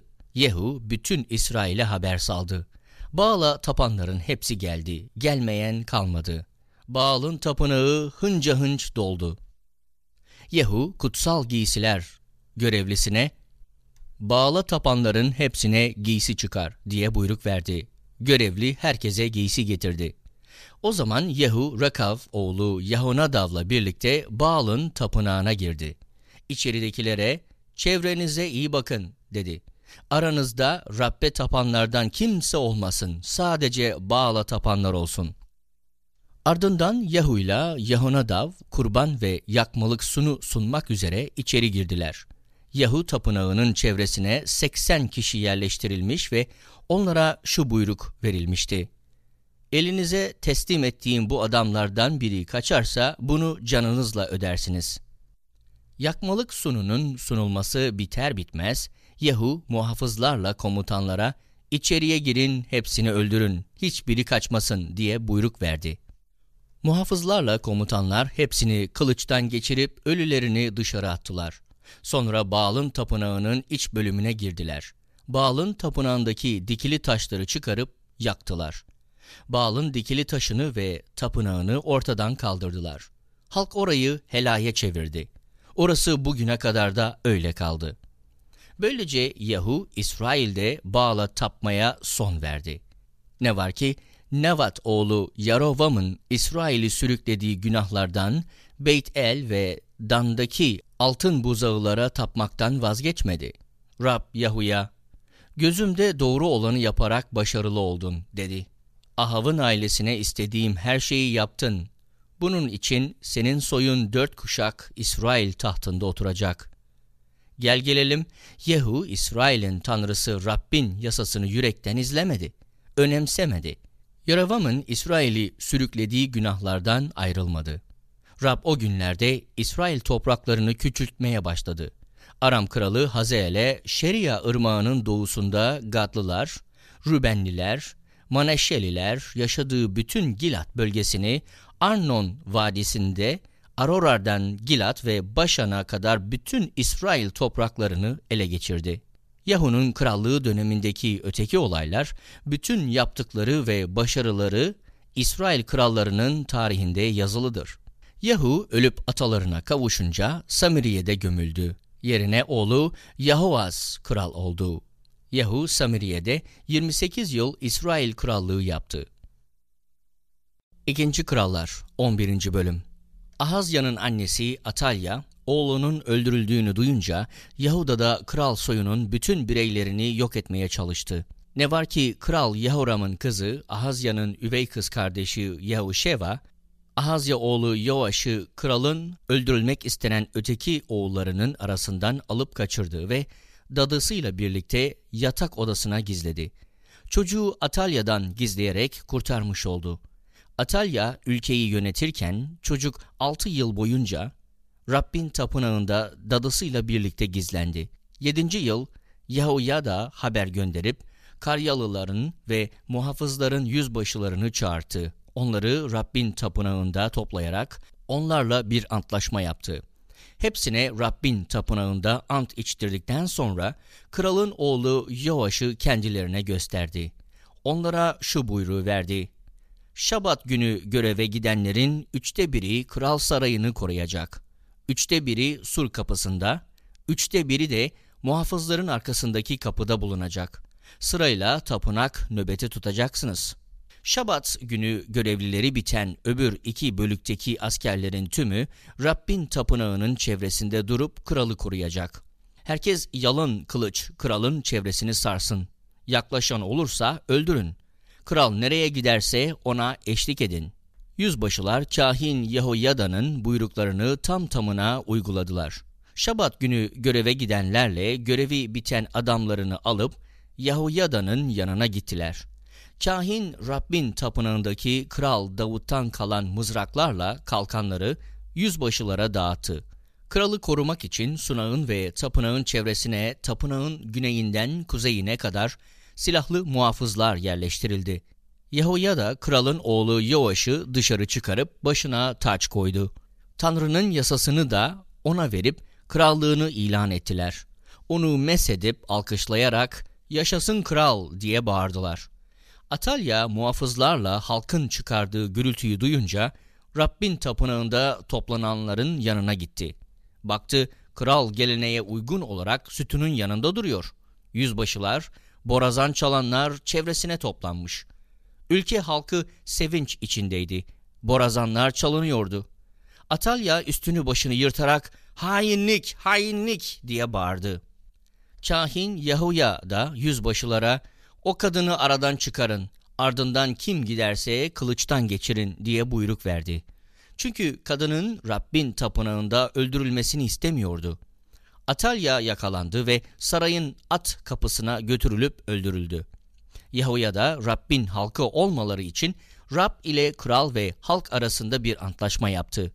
Ayrıca halkla kral arasında da bir antlaşma yaptı. Ülke halkı gidip Baal'ın tapınağını yıktı. Sunaklarını, putlarını parçaladılar. Baal'ın kahini Mattan'ı da sunaklarının önünde öldürdüler. Kahin Yahuya da Rabbin tapınağına nöbetçiler yerleştirdi. Sonra yüzbaşıları, karyalıları, muhafızları ve halkı yanına aldı. Kralı Rabbin tapınağından getirdiler. Muhafızlar kapısından geçerek sarayına götürdüler. Kral tahtına oturttular. Ülke halkı sevinç içindeydi ancak kent suskundu. Çünkü Atalya sarayda kılıçla öldürülmüştü. İkinci Krallar 12. Bölüm İsrail kralı Yahu'nun krallığının 7. yılında Yoaş Yahuda kralı oldu. 7 yaşında kral oldu ve Yeruşalem'de 40 yıl krallık yaptı. Annesi Beerşevali Sivya'ydı. Yoaş, kahin Yahuya'da yaşadığı sürece Rabbin gözünde doğru olanı yaptı. Çünkü kahin Yahuya'da ona yol gösteriyordu. Ancak alışıla gelen tapınma yerleri henüz kaldırılmamıştı ve halk oralarda hala kurban kesip buhur yakıyordu. Yoaş kahinlere şöyle dedi. Rabbin tapınağı için yapılan bağışları, nüfus sayımından elde edilen geliri, kişi başına düşen vergiyi ve halkın gönüllü olarak Rabbin tapınağına sunduğu paraları toplayın. Her kahin bunları hazine görevlilerinden alsın. Tapınağın neresinde yıkık bir yer varsa onarılsın. Yoaş'ın krallığının 23. yılında kahinler tapınağı hala onarmamışlardı. Bunun üzerine Kral Yoaş, kahin Yahuyada ile öbür kahinleri çağırıp neden Rabbin tapınağını onarmıyorsunuz diye sordu. Hazine görevlilerinden artık para almayın, aldığınız paraları da Rabbin tapınağını onarıma devredin. Böylece kahinler halktan para toplamamayı ve tapınağın onarım işlerine karışmamayı kabul ettiler. Kahin Yahuya da bir sandık aldı. Kapağına bir delik açıp sunağın yanına Rabbin tapınağına girenlerin sağına yerleştirdi. Kapıda görevli kahinler Rabbin tapınağına getirilen bütün paraları sandığa atıyorlardı. Sandıkta çok para biriktiğini görünce kralın yazmanıyla başkahin Rabbin tapınağına getirilen paraları sayıp torbalara koyarlardı. Sayılan paralar Rabbin tapınağındaki işlerin başında bulunan adamlara verilirdi. Onlar da paraları Rabbin tapınağında çalışan marangozlara, yapıcılara, duvarcılara, taşçılara öder, tapınağı onarmak için kereste ve yontma taş alımında kullanır ve onarım için gereken öbür malzemelere harcarlardı. Rabbin tapınağında toplanan paralar, tapınak için gümüş tas, fitil, maşaları, bakraç, borazan, altın ya da gümüş eşya yapımında kullanılmadı. Bu para yalnız işçilere ödendi ve tapınağın onarımına harcandı. Tapınakta çalışanlara para ödemekle görevli kişiler öyle dürüst insanlardı ki onlara hesap bile sorulmazdı. Suç ve günah sunusu olarak verilen paralarsa Rabbin tapınağına getirilmezdi. Bunlar kahinlere aitti. O sırada Aram kralı Hazael, Gat kentine saldırıp kenti ele geçirdi. Sonra Yeruşalim'e saldırmaya karar verdi. Yahuda kralı Yoaş, ataları olan öbür Yahuda krallarından Yehoşafat'ın, Yahoram'ın, Ahazya'nın ve kendisinin Rabbe adamış olduğu bütün kutsal armağanları Rabbin tapınağında ve sarayın hazinelerinde bulunan bütün altınları Aram kralı Hazael'e gönderdi. Bunun üzerine Hazael Yeruşalim'e saldırmaktan vazgeçti. Yoaş'ın krallığı dönemindeki öteki olaylar ve bütün yaptıkları Yahuda krallarının tarihinde yazılıdır. Kral Yoaş'ın görevlileri düzen kurup onu Silla'ya inen yolda Beit Milo'da öldürdüler. Yoaş'ı öldürenler görevlerinden Şimat oğlu Yozak'la Şomar oğlu Yahovazat'tı. Yoaş, Davut kentinde atalarının yanına gömüldü. Yerine oğlu Amasya kral oldu. İkinci Krallar 13. Bölüm Yahuda kralı Ahazya oğlu Yoaş, krallığının 23. yılında Yahu oğlu Yahohaz, Samiriye'de İsrail kralı oldu ve 17 yıl krallık yaptı. Yehohaz, Rabbin gözünde kötü olanı yaptı ve Nevat oğlu Yaraovam'ın İsrail'i sürüklediği günahlara katıldı, bu günahlardan ayrılmadı. İşte bu yüzden Rabbin İsrail'e karşı öfkesi alevlendi. Ve Rab onları uzun süre Aram kralı Hazael'le oğlu Ben Hadad'ın egemenliği altına soktu. Bunun üzerine Yehohaz Rab'be yakardı.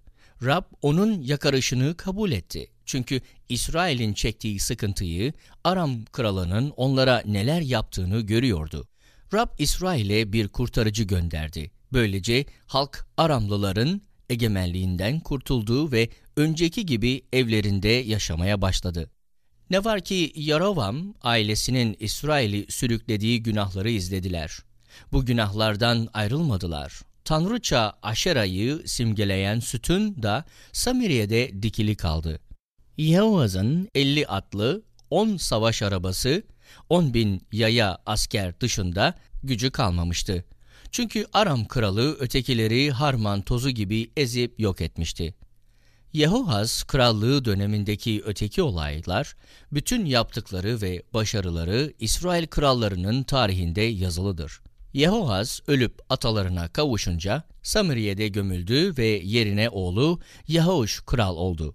Yahuda kralı Yoaş krallığının 37. yılında Yehohaz oğlu Yahuş Samiriye'de İsrail kralı oldu ve 16 yıl krallık yaptı. Rabbin gözünde kötü olanı yaptı ve Nevat oğlu Yarovam'ın İsrail'i sürüklediği günahlarından ayrılmadı. Onun yolunu izledi. Yahoş krallığı dönemindeki öteki olaylar bütün yaptıkları Yahuda kralı Amasya ile savaşırken gösterdiği başarılar İsrail krallarının tarihinde yazılıdır. Yahoş ölüp atalarına kavuşunca Samiriye'de İsrail krallarının yanına gömüldü ve tahtına Yerovam geçti. Elişa ölümcül bir hastalığa yakalandı. İsrail kralı Yehoş gidip onu ziyaret etti. Baba, baba, İsrail'in arabası ve atlıları diyerek ağladı. Elişa ona bir yayla birkaç ok al dedi. Kral yayla okları aldı. Elişa yayı hazırla dedi. Kral yayı hazırlayınca Elişa ellerini kralın ellerinin üzerine koydu. Doğuya bakan pencereyi aç dedi. Kral pencereyi açtı. Elişa oku at dedi. Kral oku atınca Elişa bu ok Aramlılara karşı sizi zafere ulaştıracak Rabbin kurtarış okudur dedi. Afek'te onları kesin bozguna uğratacaksınız. Sonra öbür okları al dedi. İsrail kralı okları alınca Elişa onları yere vur dedi. Kral okları üç kez yere vurdu ve durdu. Buna öfkelenen tanrı adamı Elişa 5-6 kez vurmalıydın. O zaman Aramlılara karşı kesin bir zafer kazanırdın dedi. Ama şimdi Aramlıları ancak üç kez bozguna uğratacaksın. Elişa öldü ve gömüldü.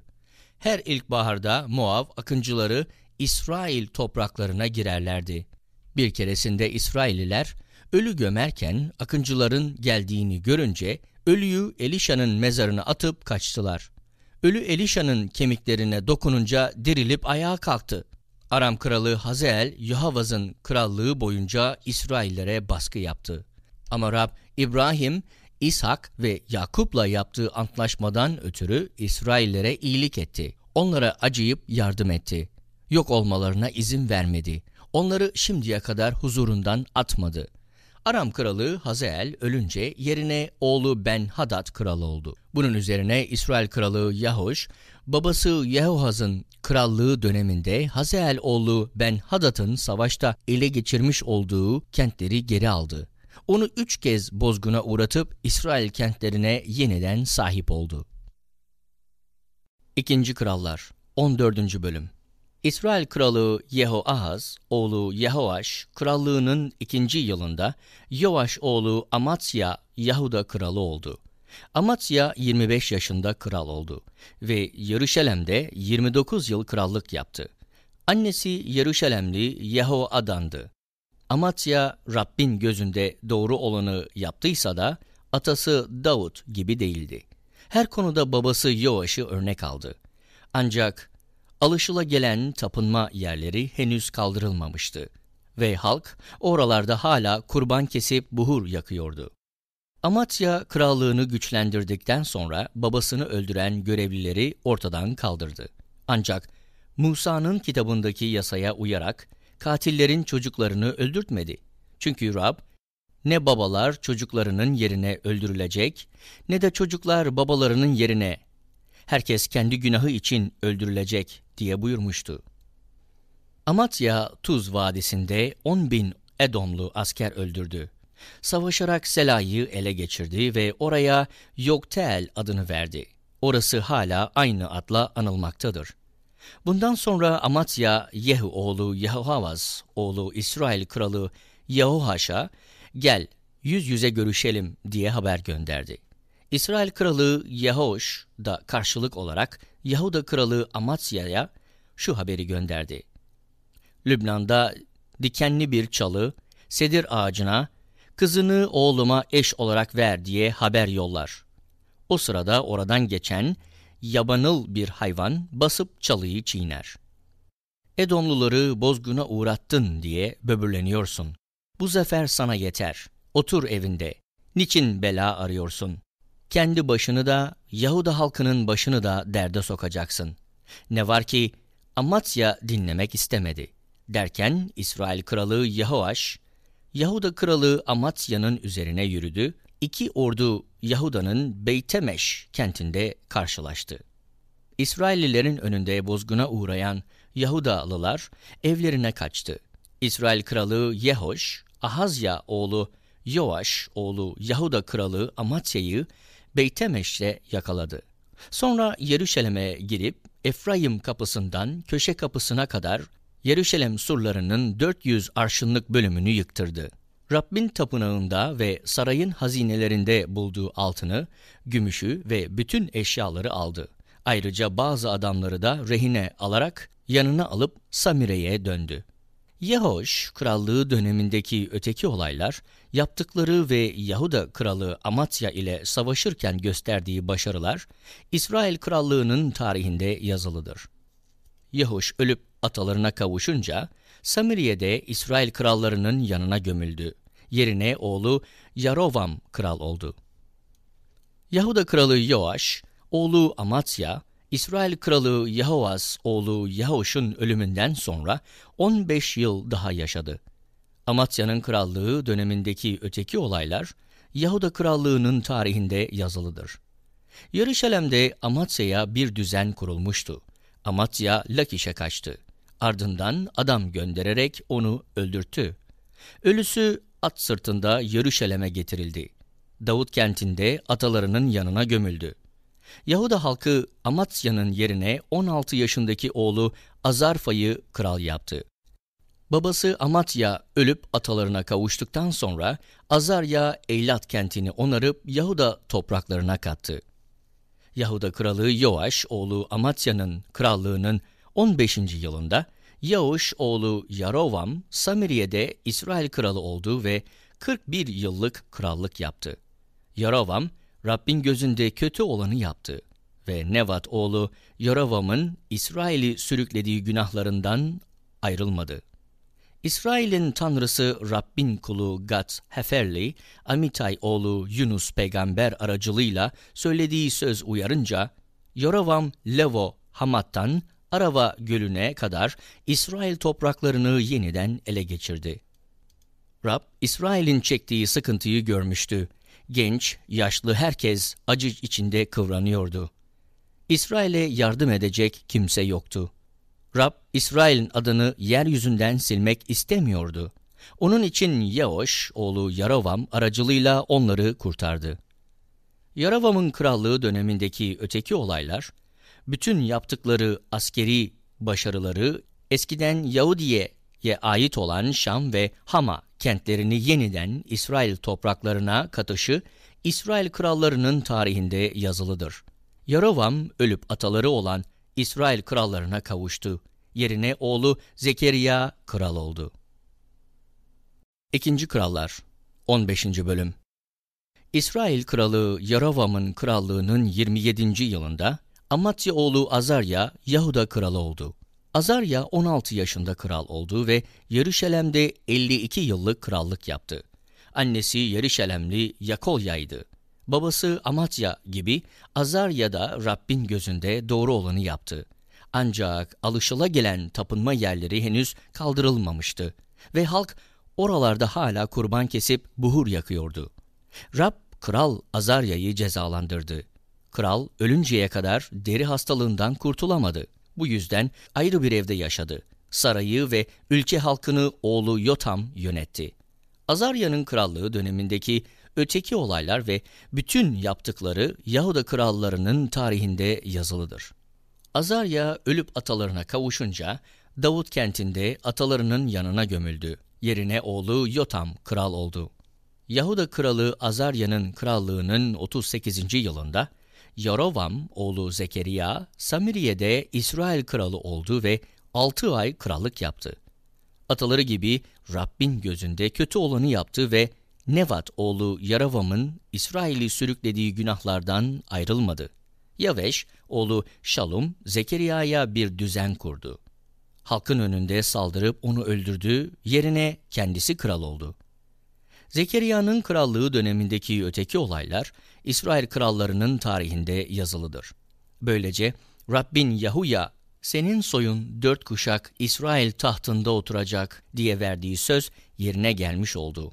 Şallum'un İsrail krallığı, Yahuda kralı Azarya'nın krallığının 39. yılında Yaveş oğlu Şalum İsrail kralı oldu ve Samiriye'de bir aylık krallık yaptı. Gadi oğlu Menahem, Tirsa'dan Samiriye'ye gelip Yaveş oğlu Şalum'a saldırdı, onu öldürüp yerine kendisi kral oldu. Şalom'un krallığı dönemindeki öteki olaylar ve kurduğu düzen İsrail krallarının tarihinde yazılıdır. O sırada Menahem Tirsa kentinden başlayarak Tifsah kentine ve çevresinde yaşayan herkese saldırdı. Çünkü kentin kapısını kendisine açmamışlardı. Herkesi öldürüp gebe kadınların karınlarını bile yardı. Yahuda kralı Azarya'nın krallığının 39. yılında Gadi oğlu Menahem İsrail kralı oldu ve Samiriye'de 10 yıllık krallık yaptı. Rabbin gözünde kötü olanı yaptı ve yaşamı boyunca Nevat oğlu Yaravam'ın İsrail'i sürüklediği günahlardan ayrılmadı. Asur kralı Tiglat Pileser İsrail'e saldırdı. Menahem, Tiglat Pileser'in desteğini sağlayıp krallığını güçlendirmek için ona bin talent gümüş verdi. İsrail'deki bütün zenginleri adam başı 50 şekel gümüş ödemekle yükümlü kılarak Asur krallığına verilen gümüşü karşıladı. Böylece Asur kralı İsrail topraklarından çekilip ülkesine döndü. Menahem'in krallığı dönemindeki öteki olaylar ve bütün yaptıkları İsrail krallarının tarihinde yazılıdır. Menahem ölüp atalarına kavuşunca yerine oğlu Pekahya kral oldu. Yahuda kralı Azarya'nın krallığının 50. yılında Menahem oğlu Pekahya Samriye'de İsrail kralı oldu ve iki yıl krallık yaptı. Pekahya Rabbin gözünde kötü olanı yaptı ve Nevat oğlu Yaravam'ın İsrail'i sürüklediği günahlardan ayrılmadı.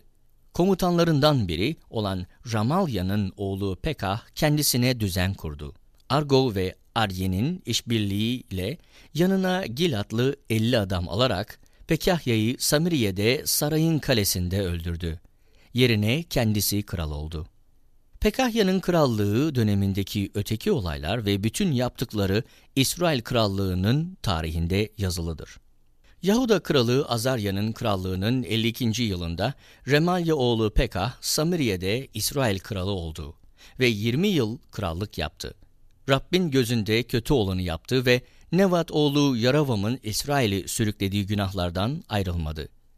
İsrail kralı Pekah'ın krallığı sırasında Asur kralı Tiglat, Pileser, İsrail'in İyon, Avel, Beytmaka, Yanoah, Kedeş, Hasor kentleriyle Gilat, Celile ve Naftali bölgelerini ele geçirerek halkı Asur'a sürdü. Yahuda kralı Azarya oğlu Yotam'ın krallığının 20. yılında Ela oğlu Hoşeya, Remalya oğlu Pekah'a düzen kurdu ve onu öldürüp yerine kendisi kral oldu. Pekah'ın krallığı dönemindeki öteki olaylar ve bütün yaptıkları İsrail krallarının tarihinde yazılıdır. İsrail kralı Remalya oğlu Pekah'ın krallığının ikinci yılında Azarya oğlu Yotam Yahuda kralı oldu. Yotam 25 yaşında kral oldu ve Yeruşalim'de 16 yıl krallık yaptı. Annesi Sadok'un kızı Yeruşa'ydı. Babası Azarya gibi Yaton da Rabbin gözünde doğru olanı yaptı. Ancak alışılagelen tapınma yerleri henüz kaldırılmamıştı ve halk oralarda hala kurban kesip buhur yakıyordu. Yotam, Rabbin tapınağının yukarı kapısını onardı. Yotam'ın krallığı dönemindeki öteki olaylar ve yaptıkları Yahuda krallarının tarihinde yazılıdır. Rab işte o günlerde Aram kralı Resin'le İsrail kralı Remalya oğlu Pekah'ı Yahuda üzerine göndermeye başladı. Yotam ölüp atalarına kavuşunca atası Davut'un kentinde atalarının yanına gömüldü. Yerine oğlu Ahaz kral oldu. İkinci Krallar 16. Bölüm İsrail kralı Remalya oğlu Pekah'ın krallığının 17. yılında Yotam oğlu Ahaz Yahuda kralı oldu. Ahaz 20 yaşında kral oldu ve Yaruşalem'de 16 yıl krallık yaptı. Tanrısı Rabbin gözünde doğru olanı yapan atası Davut gibi davranmadı. İsrail krallarının yolunu izledi. Hatta Rabbin İsrail halkının önünden kovmuş olduğu ulusların iğrenç törelerine uyarak oğlunu ateşte kurban etti. Puta tapılan yerlerde, tepelerde, bol yapraklı her ağacın altında kurban kesip buhur yaktı. Aram kralı Resin'le İsrail kralı Remalya oğlu Pekah, Yeruşalem'e yürüdüler. Kenti kuşattılarsa da Ahaz'ı yenemediler. O sırada Aram kralı Resin Eylat'ı geri alıp Yahudalıları oradan sürdü. Edomlular Eylat'a yerleşti. Bugün de orada yaşıyorlar. Ahaz Asur kralı Tiglat Pileser'e senin kulun kölenim gel bana saldıran Aram ve İsrail krallarının elinden beni kurtar diye ulaklar gönderdi. Rabbin tapınağında ve sarayın hazinelerinde bulunan altın ve gümüşü armağan olarak Asur kralına gönderdi. Asur kralı Ahaz'ın isteğini olumlu karşıladı. Saldırıp Şam'ı ele geçirdi. Kent halkını Kır'a sürüp resini gönderdi. Kral Ahaz, Asur kralı Tiglat Pileser'i karşılamak için Şam'a gittiğinde oradaki sunağı gördü. Aynısını yaptırmak için sunağın bütün ayrıntılarını gösteren bir planı ve maketi Kahin Ura'ya gönderdi. Kahin Uriya, Kral Ahaz Şam'dan dönünceye kadar onun göndermiş olduğu maketin tıpkısı bir sunak yaptı. Kral Şam'dan dönünce sunağı gördü, yaklaşık üzerinde sunular sundu. Yakmalık sunuları ve tahıl sunularını sundu. Dökmelik sunuyu boşalttı, esenlik sunusunun kanını sunağın üzerine döktü. Rabbin huzurundaki tunç sunağı, tapınağın önünden yeni sunakla tapınağın arkasındaki yerinden getirtip yeni sunağın kuzeyine yerleştirdi. Kral Ahaz, kahin Uriya'ya şu buyrukları verdi. Sabahın yakmalık sunusuyla akşamın tahıl sunusunu, kralın yakmalık ve tahıl sunusunu, ayrıca ülke halkının yakmalık, tahıl ve dökmelik sunularını bu büyük sunağın üzerinde sun. Yakmalık sunularının ve kurbanların kanını onun üzerine dök. Ama tunç sunağı geleceği bilmek için kendim kullanacağım. Kahin Uriya, Kral Ahaz'ın bütün buyruklarını yerine getirdi. Kral Ahaz, tapınaktaki kazanların üzerine oturttuğu ayaklıkların yan aynalarını söküp kazanları kaldırdı. Havuzu tunç boğalarının üzerinden indirip taş bir döşeme üzerine yerleştirdi. Asur kralını hoşnut etmek için Rabbin tapınağına konan kral kürsüsünün setini kaldırıp kralın tapınağına girmek için kullandığı özel kapıyı kapattı. Ahaz'ın krallığı dönemindeki öteki olaylar ve yaptıkları Yahuda krallarının tarihinde yazılıdır. Ahaz ölüp atalarına kavuşunca Davut kentinde atalarının yanına gömüldü. Yerine oğlu Hizkiya kral oldu. İkinci Krallar 17. Bölüm Yahuda kralı Ahaz'ın krallığının 12. yılında Ela oğlu Hoşeya Samiriye'de İsrail kralı oldu ve 9 yıl krallık yaptı. Rabbin gözünde kötü olanı yaptı ama kendisinden önceki İsrail kralları kadar kötü değildi. Asur kralı Şalmeneser Hoşe'ya savaş açtı. Hoşe teslim olup haraç ödemeye başladı. Ancak Asur kralı Hoşe'nin hainlik yaptığını öğrendi. Çünkü Hoşe Mısır firavunu Son'un desteğini sağlamak için ona ulaklar göndermiş, üstelik her yıl ödemesi gereken haraçları da Asur kralına ödememişti. Bunun üzerine Asur kralı onu yakalayıp cezaevine kapattı. Asur kralı İsrail topraklarına saldırdı. Samire'yi kuşattı. Kuşatma üç yıl sürdü. Hoşe'nin krallığının dokuzuncu yılında Asur kralı Samiriye'yi ele geçirdi. İsrail halkını Asur'a sürdü, onları Halaha, Habur Irmağı kıyısındaki Gozana ve Med kentlerine yerleştirdi. Bütün bunlar kendilerini Mısır firavunun boyunduruğundan kurtarıp Mısır'dan çıkaran tanrıları Rabbe karşı günah işledikleri için İsraillerin başına geldi. Çünkü başka ilahlara tapmışlardı. Rabbin İsrail halkının önünden kovmuş olduğu ulusların törelerine ve İsrail krallarının koyduğu kurallara göre yaşamışlardı.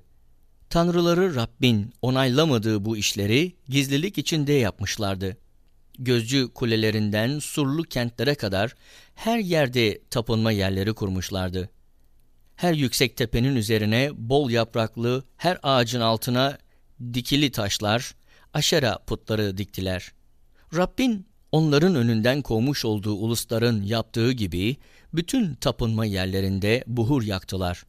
Yaptıkları kötülüklerle Rabbi öfkelendirdiler. Rabbin bunu yapmayacaksınız demiş olmasına karşın putlara taptılar. Rab, İsrail ve Yahuda halkını bütün peygamberler ve biliciler aracılığıyla uyarmış, onlara bu kötü yollarınızdan dönün demişti. Atalarınıza buyurduğum ve kullarım peygamberler aracılığıyla size gönderdiğim kutsal yasanın tümüne uyarak buyruklarımı, kurallarımı yerine getirin. Ama dinlemediler. Tanrıları Rabbe güvenmeyen ataları gibi inat ettiler. Tanrı'nın kurallarını, uyarılarını ve atalarıyla yaptığı antlaşmayı hiçe sayarak değersiz putların ardınca gittiler. Böylece kendi değerlerini de yitirdiler. Çevrelerindeki uluslar gibi yaşamaları için Rab kendilerine buyruk verdiği halde ulusların törelerine göre yaşadılar. Tanrıları Rabbin bütün buyruklarını terk ettiler. Tapınmak için kendilerine iki dökme buzağı ve aşera putu yaptırdılar. Gök cisimlerine taptılar. Bağla kulluk ettiler. Oğullarını, kızlarını ateşte kurban ettiler. Falcılık, büyücülük yaptılar. Rabbin gözünde kötü olanı yaptılar. Kendilerini kötülüğe adayarak onu öfkelendirdiler. Rab İsraillere çok kızdı. Yahuda oymağı dışında hepsini huzurundan kovdu. Yahudalılar bile tanrıları Rabbin buyruklarına uymadılar. İsraillerin benimsediği törelere göre yaşadılar. Bundan dolayı Rab İsrail soyundan olan herkesi reddetti. Çapulcuların eline teslim ederek onları cezalandırdı. Hepsini huzurundan kovdu. Rab İsrail'i Davut soyunun elinden aldıktan sonra İsrailler Nevat oğlu Yaravam'ı kral yaptılar.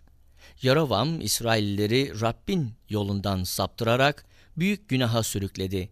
İsrailler Yaravam'ın işlediği bütün günahlara katıldılar ve bunlardan ayrılmadılar.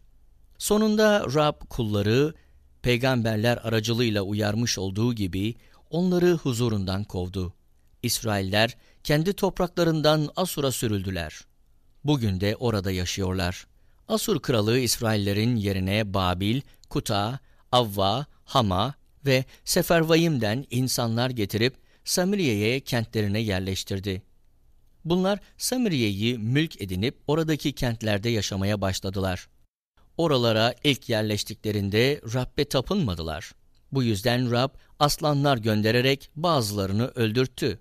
Asur kralına sürdüğün ve Samiriye kentlerine yerleştirdiğin uluslar Samiriye ilahının yasasını bilmiyorlar. O da üzerlerine aslanlar gönderiyor diye haber salındı. Bu yüzden aslanlara yem oluyorlar. Çünkü ülke ilahının yasasından haberleri yok. Bunun üzerine Asur kralı şu buyruğu verdi.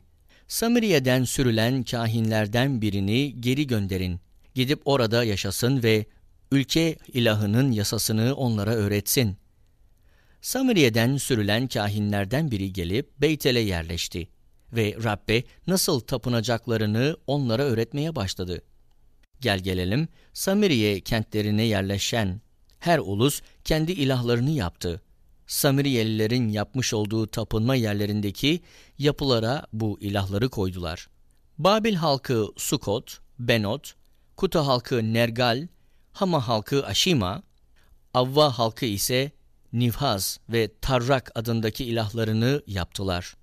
Sefervayim halkı ise oğullarını, ilahları Adremelek ve Anamelek yakarak kurban ettiler.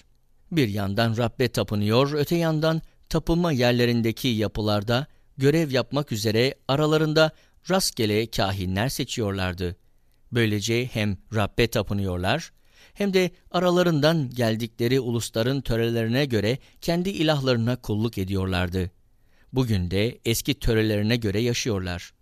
Ne Rabbe tapınıyorlar ne de Rabbin İsrail adını verdiği Yakub'un oğulları için koymuş olduğu kurallara, ilkelere, yasalara, buyruklara uyuyorlar.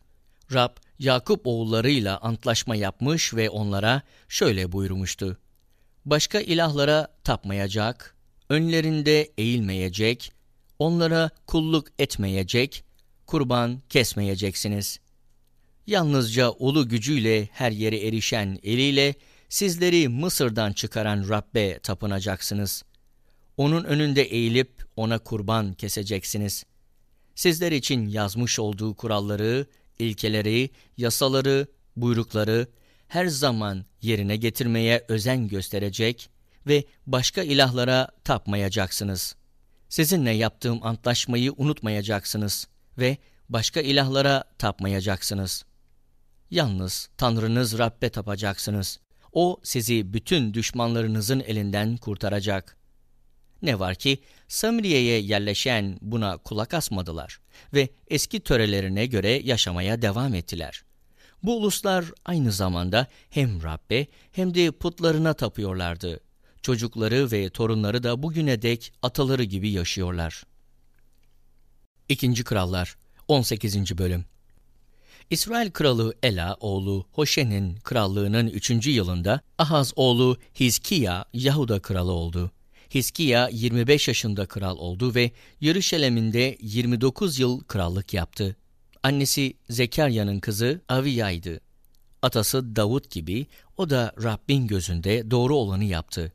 Alışıla gelen tapınma yerlerini kaldırdı, dikili taşları, aşera putlarını parçaladı. Musa'nın yapmış olduğu Nehuştan adındaki tunç yılanı da parçaladı. Çünkü İsrailler o güne kadar ona buhur yakıyorlardı. Hiskiya, İsrail'in tanrısı Rab'be güvendi. Kendisinden önceki ve sonraki Yahuda kralları arasında onun gibisi yoktu. Rab'be çok bağlıydı. Onun yolundan ayrılmadı. Rabbin Musa'ya vermiş olduğu buyrukları yerine getirdi. Rab onunla birlikteydi. Yaptığı her işte başarılı oldu. Asur kralına karşı ayaklandı ve ona kulluk etmedi. Gazze ve çevresine gözcü kulelerinden surlu kentlere kadar her yerde Filistillileri bozguna uğrattı. Hiskiya'nın krallığının dördüncü yılında İsrail kralı Ela oğlu Hoşea'nın krallığının yedinci yılı Asur kralı Şalmaneser Samiriye'ye yürüyerek kenti kuşattı. Kuşatma üç yıl sürdü. Sonunda Samiriye'yi ele geçirdi. Hiskiya'nın krallığının altıncı yılı İsrail kralı Hoşe'nin krallığının 9. yılında Samiriye alındı. Asur kralı İsrailleri Asur'a sürerek Halal'a, Habur Irmağı kıyısındaki Gozan'a ve Met kentlerine yerleştirdi. Çünkü tanrıları Rabbin sözünü dinlememişlerdi. Onun antlaşmasını ve Rabbin kulu Musa'nın buyruklarını çiğnemişlerdi. Ne kulak asmışlar ne de buyrukları yerine getirmişlerdi. Hiskiya'nın krallığının 14. yılında Asur kralı Sanherib, Yahuda'nın surlu kentlerine saldırıp hepsini ele geçirdi. Yahuda kralı Hiskiya, Lakiş kentindeki Asur kralına şu haberi gönderdi. Suçluyum, üzerimden kuvvetlerini çek, ne istersen ödeyeceğim. Asur kralı, Yahuda kralı Hiskiya'yı 300 talant, gümüş ve 30 talant altın ödemekle yükümlü kıldı. Hiskiya Rabbin tapınağında ve kral sarayının hazinelerinde bulunan bütün gümüşü ona verdi. Daha önce yaptırmış olduğu Rabbin tapınağının kapılarıyla kapı pervazlarının üzerindeki altın kaplamaları da çıkarıp Asur kralına verdi. Asur kralı başkomutan, askeri danışman ve komutanı büyük bir orduyla Lakiş'ten Yeruşalim'e Kral Hiskiya'ya gönderdi. Yeruşalim'e varan ordu çırpıcı tarlası yolunda yukarı havuzunun su yolunun yanında durdu. Haber gönderip Kral Hiskiya'yı çağırdılar. Saray sorumlusu Hiskiya'yı oğlu Elkayim, yazman Şevna ve devlet tarihçisi Asaf oğlu Yoaf Asurluları karşılamaya çıktı. Komutan onlara şöyle dedi. Hiskiya'ya söyleyin, büyük kral, Asur kralı diyor ki, güvendiğin şey ne? Neye güveniyorsun? Savaş tasarılarının ve gücünün olduğunu söylüyorsun ama bunlar boş sözler. Kime güveniyorsun da bana karşı ayaklanıyorsun? İşte sen şu kırık kamış değneğe Mısır'a güveniyorsun. Bu değnek kendisine yaslanan herkesi eline batar, deler. Firavun da kendisine güvenenler için böyledir. Yoksa bana Tanrımız Rabbe güveniyoruz mu diyeceksiniz. Hiskiya'nın Yahuda ve Yeruşalem halkına yalnız Yeruşem'de bu sunağın önünde tapınacaksınız diyerek tapınma yerlerini, sunaklarını ortadan kaldırdığı Tanrı değil mi bu? Haydi efendim Asur kralıyla bahse giriş. Birincileri sağlayabilirsen sana iki bin at veririm. Mısır'ın savaş arabalarıyla atlıları sağlayacağına güvensen bile efendimin en küçük rütbeli komutanlarından birini yenemezsin. Dahası var. Rabbin buyruğu olmadan mı saldırıp burayı yıkmak için yola çıktığımı sanıyorsun? Rab git o ülkeyi yık dedi. Hilkiya oğlu Elkayım, Şevna ve Yoaf lütfen biz kullarına Aramice konuş diye karşılık verdiler. Çünkü biz bu dili anlarız.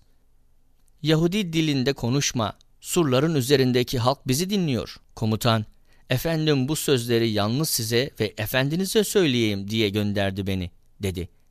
Surların üzerinde oturan bu halka sizin gibi dışkısını yemek, idrarını içmek zorunda kalacak olan herkese gönderdi.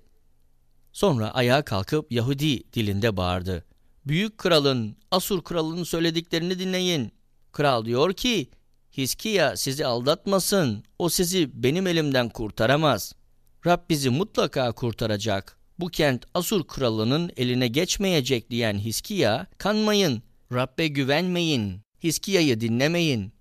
Çünkü Asur kralı diyor ki, teslim olun, bana gelin.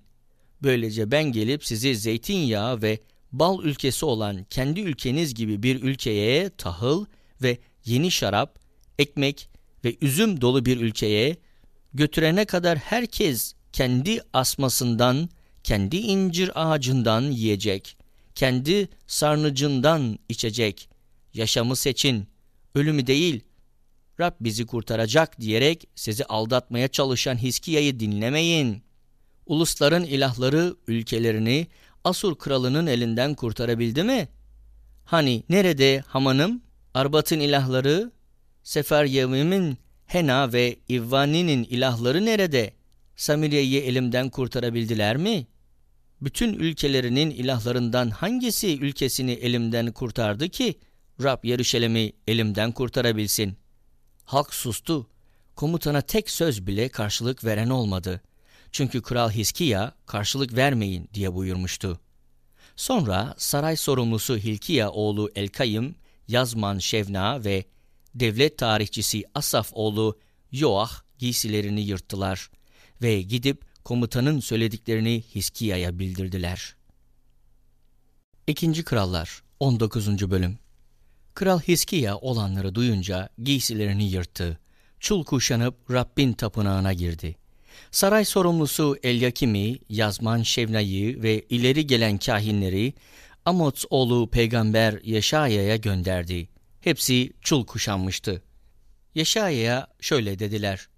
Hiskiya diyor ki, bugün sıkıntı, azar ve utanç günü. Çünkü çocukların doğum vakti geldi ama doğuracak güç yok.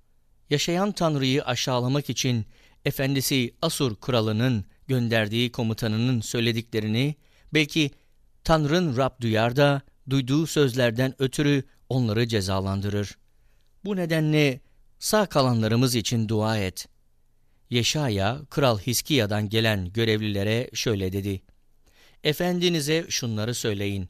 Rab diyor ki, Asur kralının adamlarından benimle ilgili duyduğunuz küfürlerden korkma. Onun içine öyle bir ruh koyacağım ki bir haber üzerine kendi ülkesine dönecek. Orada onu kılıçla öldürteceğim. Komutan Asur kralının Lakiş'ten ayrılıp Livna'ya karşı savaştığını duydu, krala danışmak için oraya gitti. Küş kralı Tirhaka'nın kendisiyle savaşmak üzere yola çıktığını haber alan Asur kralı, Hiskiya'ya yine ulaklar göndererek şöyle dedi. Yahuda kralı Hiskiya'ya deyin ki, güvendiğin Tanrın, Yeruşalem Asur kralının eline teslim edilmeyecek diyerek seni aldatmasın. Asur krallarının bütün ülkelere neler yaptığını, onları nasıl yerle bir ettiğini duymuşsundur. Sen kurtulacağını mı sanıyorsun? Atalarımın yok ettiği ulusları, Gozanlıları, Heranlıları, Reseflileri, Telasar'dan yaşayan efendileri, ilahları kurtarabildi mi? Hani nerede Hama ve Arpat kralları, Lair, Şefervem, Hena, İvva kralları nerede? Hiskiya mektubu ulakların elinden alıp okuduktan sonra Rabbin tapınağına çıktı. Rabbin önünde mektubu yere yayarak şöyle dua etti. Ey keruvlar arasında taht kuran İsrail'in tanrısı Rab, bütün dünya krallarının tek tanrısı sensin. Yeri göğü sen yarattın. Ya Rab, kulak ver de işit, gözlerini aç da gör. Ya Rab, Sanhevribim söylediklerini, yaşayan Tanrı'yı nasıl aşağıladığını duy. Ya Rab, gerçek şu ki, Asur kralları birçok ulusu ve ülkelerini Virana'ya çevirdiler. İlahlarını yakıp yok ettiler. Çünkü onlar Tanrı değil, insan eliyle biçimlendirilmiş tahta ve taşlardı. Ya Rab Tanrımız, şimdi bizi Sanherib'in elinden kurtar ki, bütün dünya kralları senin tek tanrı olduğunu anlasın. Bunun üzerine Amots, oğlu Yaşaya, Hiskiya'ya şu haberi gönderdi. İsrail'in tanrısı Rab şöyle diyor. Asur kralı Sanherib'le ilgili olarak bana yalvardığın için diyorum ki, Erden kız Sion seni hor görüyor, alay ediyor seninle. Yeruşalem kızı ardından alayla baş sallıyor. Sen kimi aşağıladın, kime küfrettin? Kime sesini yükselttin? İsrail'in kutsallığına tepeden baktın. Ulakların aracılığıyla Rabbi aşağıladın. Bir sürü savaş arabamla dağların tepesine, Lübnan'ın doruklarına çıktım, dedin. Yüksek sedir ağaçlarını, seçme çamlarını kestim. Lübnan'ın en iç noktalarına, gür ormanlarına ulaştım. Yabancı ülkelerde kuyular kazdım sular içtim. Mısır'ın bütün kanallarını ayağımın tabanıyla kuruttum dedin. Bütün bunları çoktan yaptığımı, çok önceden tasarladığımı duymadın mı? Surlu kentleri enkaz yığınlarına çevirmeni şimdi ben gerçekleştirdim. O kentlerde yaşayanların kolu kanadı kırıldı. Yılgınlık ve utanç içindeydiler. Kır otuna, körpe filizlere, damlarda büyümeden kavrulup giden ota döndüler senin oturuşunu, kalkışını, ne zaman gidip geldiğini, bana nasıl öfkelendiğini biliyorum. Bana duyduğun öfkeden, kulağıma erişen küstahlığından ötürü, halkamı burnuna, gemimi ağzına takacak, seni geldiğin yoldan geri çevireceğim.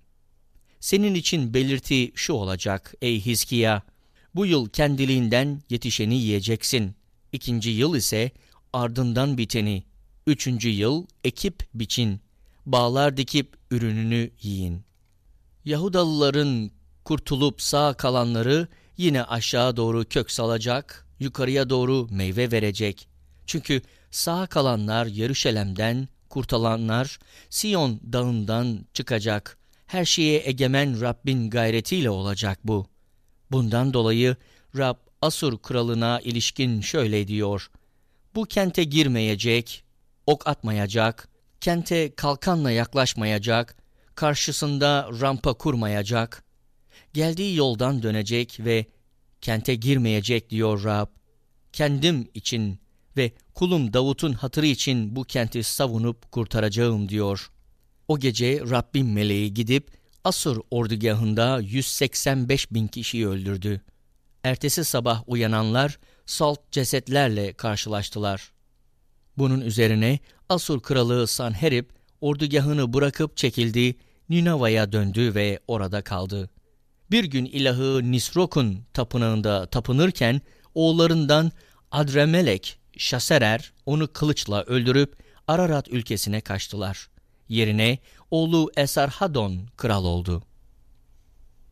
İkinci Krallar 20. Bölüm O günlerde Hiskiya ölümcül bir hastalığa yakalandı. Amos oğlu peygamber Yeşaya ona gidip şöyle dedi. Rab diyor ki ev işlerini düzene sok. Çünkü iyileşmeyecek, öleceksin. Hiskiya yüzünü duvara dönüp Rab'be yalvardı. Ya Rab, yürekten bir sadakatle önünde nasıl yaşadığımı, gözünde iyi olanı yaptığımı anımsa lütfen. Sonra acı acı ağlamaya başladı. Yeşaya sarayın orta avlusundan çıkmadan önce Rab ona şöyle dedi. Geri dön ve halkımı yöneten Hiskiya'ya şunu söyle. Atan Davut'un tanrısı Rab diyor ki, duanı işittim, gözyaşlarını gördüm. Seni sağlığına kavuşturacağım. Üç gün içinde Rabbin tapınağına çıkacaksın. Ömrünü 15 yıl daha uzatacağım. Seni de kenti de Asur kralının elinden kurtaracağım. Kendim için ve kulum Davut'un hatırı için bu kenti savunacağım. Sonra Yeşaya, incir pestili getirin dedi. Getirip çıbana koydular ve Hiskiya iyileşti. Hiskiya Yeşaya, Rabbin beni iyileştireceğine ve üç gün içinde Rabbin tapınağına çıkacağıma ilişkin belirti nedir diye sormuştu. Yeşaya şöyle karşılık verdi. Rabbin verdiği sözü tutacağına ilişkin belirti şu olacak. Gölge on basamak uzasın mı, kısalsın mı? Hiskiya, gölgenin on basamak uzaması kolaydır. On basamak kısalsın demişti. Bunun üzerine Peygamber Yeşaya Rabbe yakardı ve Rab Ahaz'ın merdiveninden aşağı düşmüş olan gölgeyi on basamak kısaltmıştı. O sırada Hiskiya'nın hastalığını duyan Bala'dan oğlu Babil kralı Merodak Bala'dan ona mektuplarla birlikte bir armağan gönderdi. Hiskiya elçileri kabul etti. Deposundaki bütün değerli eşyaları, altını, gümüşü, baharatı, değerli yağ, silah deposunu ve hazine odalarındaki her şeyi elçilere gösterdi. Sarayının da krallığının da onlara göstermediği hiçbir şey kalmadı. Peygamber Yeşaya, Kral Hiskiya'ya gidip, bu adamlar sana ne dediler, nereden gelmişler diye sordu. Hiskiya, uzak bir ülkeden, Babil'den gelmişler diye karşılık verdi. Yeşaya, sarayında ne gördüler diye sordu. Hiskiya, sarayımdaki her şeyi gördüler. Hazinelerimde onlara göstermediğim hiçbir şey kalmadı diye yanıtladı. Bunun üzerine Yeşaya şöyle dedi. Rabbin sözüne kulak ver. Rab diyor ki, gün gelecek sarayındaki her şey atalarının bugüne kadar bütün biriktirdikleri Babil'e taşınacak. Hiçbir şey kalmayacak. Soyundan gelen bazı çocuklar alınıp götürülecek. Babil kralının sarayında hadim olacak. Hiskiya, Rab'den ilettiğin bu söz iyi dedi. Çünkü nasıl olsa yaşadığım sürece barış ve güvenlik olacak diye düşünüyordu. Hiskiya'nın krallığı dönemindeki öteki olaylar, bütün başarıları, bir havuz ve tünel yaparak suyu kente nasıl getirdiği, Yahuda krallarının tarihinde yazılıdır. Hiskiya ölüp atalarına kavuşunca, yerine oğlu Manaşe kral oldu. İkinci Krallar 21. Bölüm Manaşe 12 yaşında kral oldu ve Yeruşalem'de 55 yıl krallık yaptı. Annesinin adı Hefsifah'tı. Rabbin İsrail halkının önünden kovmuş olduğu ulusların iğrenç törelerine uyarak Rabbin gözünde kötü olanı yaptı. Babası Hiskiya'nın yok ettiği puta, tapılan yerleri yeniden yaptırdı. İsrail kralı Ahav gibi Baal için sunaklar kurdu. Aşera putu yaptı, gök cisimlerine taparak onlara kulluk etti. Rabbin, Yeruşalem'de bulunacağım dediği Rabbin tapınağında sunaklar kurdu. Tapınağın iki avlusunda gök cisimlerine tapmak için sunaklar yaptırdı. Oğlunu ateşte kurban etti. Falcılık ve büyücülük yaptı. Medyumlara, ruh çağıranlara danıştı. Rabbin gözünde çok kötülük yaparak onu öfkelendirdi. Maneşe yaptırdığı aşere putunu Rabbin tapınağına yerleştirdi. Oysa Rab tapınağına ilişkin Davut'la oğlu Süleyman'a şöyle demişti. Bu tapınakta ve İsrail oymaklarının yaşadığı kentler arasından seçtiğim Yeruşalem'de adım sonsuza dek anılacak. Buyruklarımı dikkatle yerine getirir ve kulum Musa'nın kentlerine verdiği kutsal yasayı tam olarak uygularsa, İsrail halkının ayağını bir daha atalarına vermiş olduğum ülkenin dışına çıkartmayacağım. Ama halk kulak asmadı. Maneşe onları öylesine yoldan çıkardı ki Rabbin İsrail halkının önünde yok ettiği uluslardan daha çok kötülük yaptılar. Rab kulları peygamberler aracılığıyla şöyle dedi. Yahuda kralı Maneşe bu iğrenç işleri yaptığı kendisinden önceki Amorlulardan daha çok kötülük ettiği putlar dikerek Yahudalıları günaha sürüklediği için İsrail'in tanrısı Rab, Yeruşalim'in ve Yahuda'nın başına öyle bir felaket getireceğim ki duyanların hepsi şaşkına dönecek diyor. Samire'yi ve Ahav'ın soyunu nasıl cezalandırdımsa, Yeruşalim'i cezalandırırken de aynı ölçü ipini, aynı çekülü kullanacağım. Bir adam tabağını nasıl temizler, silip yüzüstü kapatırsa, Yeruşalim'i de öyle silip süpüreceğim. Halkımdan sağ kalanları terk edeceğim ve düşmanlarının eline teslim edeceğim. Yeruşalim halkı yağmalanıp ganimet olarak götürülecek. Çünkü gözümde kötü olanı yaptılar. Atalarının Mısır'dan çıktığı günden bugüne kadar beni öfkelendirdiler. Maneşe Rabbin gözünde kötü olanı yaparak Yahudalıları günaha sürüklemekte kalmadı. Yeruşalim'i bir uçtan öbür uca dolduracak kadar çok sayıda suçsuzun kanını döktü. Maneşe'nin krallığı dönemindeki öteki olaylar, bütün yaptıkları ve işlediği günahlar Yahuda krallarının tarihinde yazılıdır. Maneşe ölüp atalarına kavuşunca sarayın Uzza adındaki bahçesine gömüldü. Yerine oğlu Amon kral oldu. Amon 22 yaşında kral oldu ve Yeruşalem'de 2 yıl krallık yaptı. Annesi Yotvalı, Harus'un kızı Meşulemet'ti. Amon da babası Maneşe gibi Rabbin gözünde kötü olanı yaptı. Babasının yürüdüğü yollarda yürüdü, aynı putlara taptı ve hizmet etti. Atalarının tanrısı Rabbi terk etti, onun yolunda yürümedi. Kral Amon'un görevlileri düzen kurup onu sarayında öldürdüler. Ülke halkı Amon'a düzen kuranların hepsini öldürdü. Yerine oğlu Yaşıya'yı kral yaptı. Amon'un krallığı dönemindeki öteki olaylar ve yaptıkları Yahuda krallarının tarihinde yazılıdır. Amon, Uzza bahçesinde kendi mezarına gömüldü. Yerine oğlu Yoşiya kral oldu. İkinci Krallar 22. Bölüm Yoşiya 8 yaşında kral oldu ve Yeruşalem'de 31 yıl krallık yaptı. Annesi Bozkatlı Adaya'nın kızı Yedida'ydı. Yoşiya Rabbin gözünde doğru olanı yaptı. Sağa sola sapmadan atası Davut'un bütün yollarını izledi. Kral Yoşiya, krallığının 18. yılında Meşullam oğlu Asalya oğlu Yazman Şafan'ı Rabbin tapınağına gönderirken ona şöyle söyledi. Başkahin Hilkaya'nın yanına çık. Kapı nöbetçilerinin halktan toplayıp Rabbin tapınağına getirdikleri paraları saysın. Rabbin tapınağındaki işlerin başında bulunan denetçilere versin. Onlar da paraları Rabbin tapınağındaki çatlakları onaranlara, marangozlara, yapıcılara, duvarcılara ödesinler. Tapınağın onarımı için gerekli keresteyi, yontma taşı da bu parayla alsınlar. Onlara verilen paranın hesabı sorulmasın. Çünkü dürüstçe çalışıyorlar. Başkahin Hulkiya, Yazman Şafan'a Rabbin tapınağında yasa kitabını buldum diyerek kitabı ona verdi. Şafan kitabı okudu. Sonra krallara giderek görevlilerin tapınaktaki paraları alıp Rabbin tapınağındaki işlerin başına bulunan adamlara verdiler diye durumu bildirdi. Ardından kahin Hilkiya bana bir kitap verdi diyerek kitabı krala okudu. Kral kutsal yasadaki sözleri duyunca giysilerini yırttı.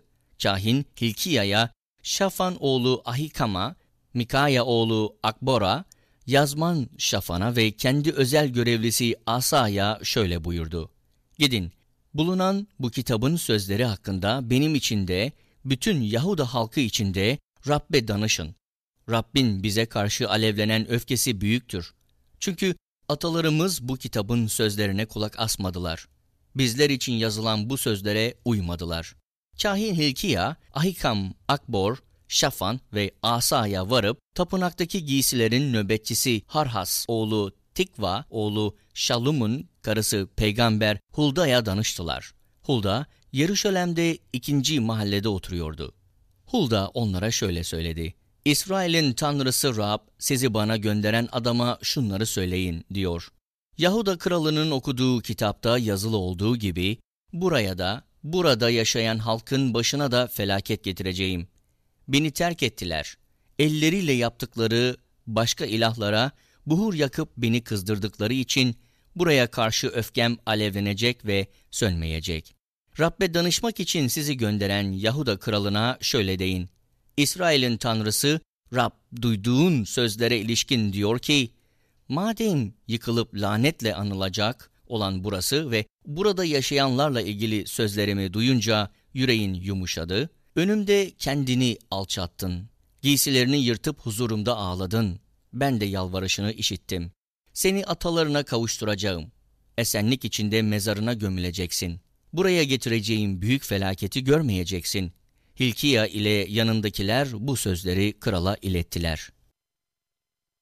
İkinci Krallar 23. Bölüm Kral Yoşiya haber gönderip Yahuda ve Yeruşalem'in bütün ileri gelenlerini yanına topladı.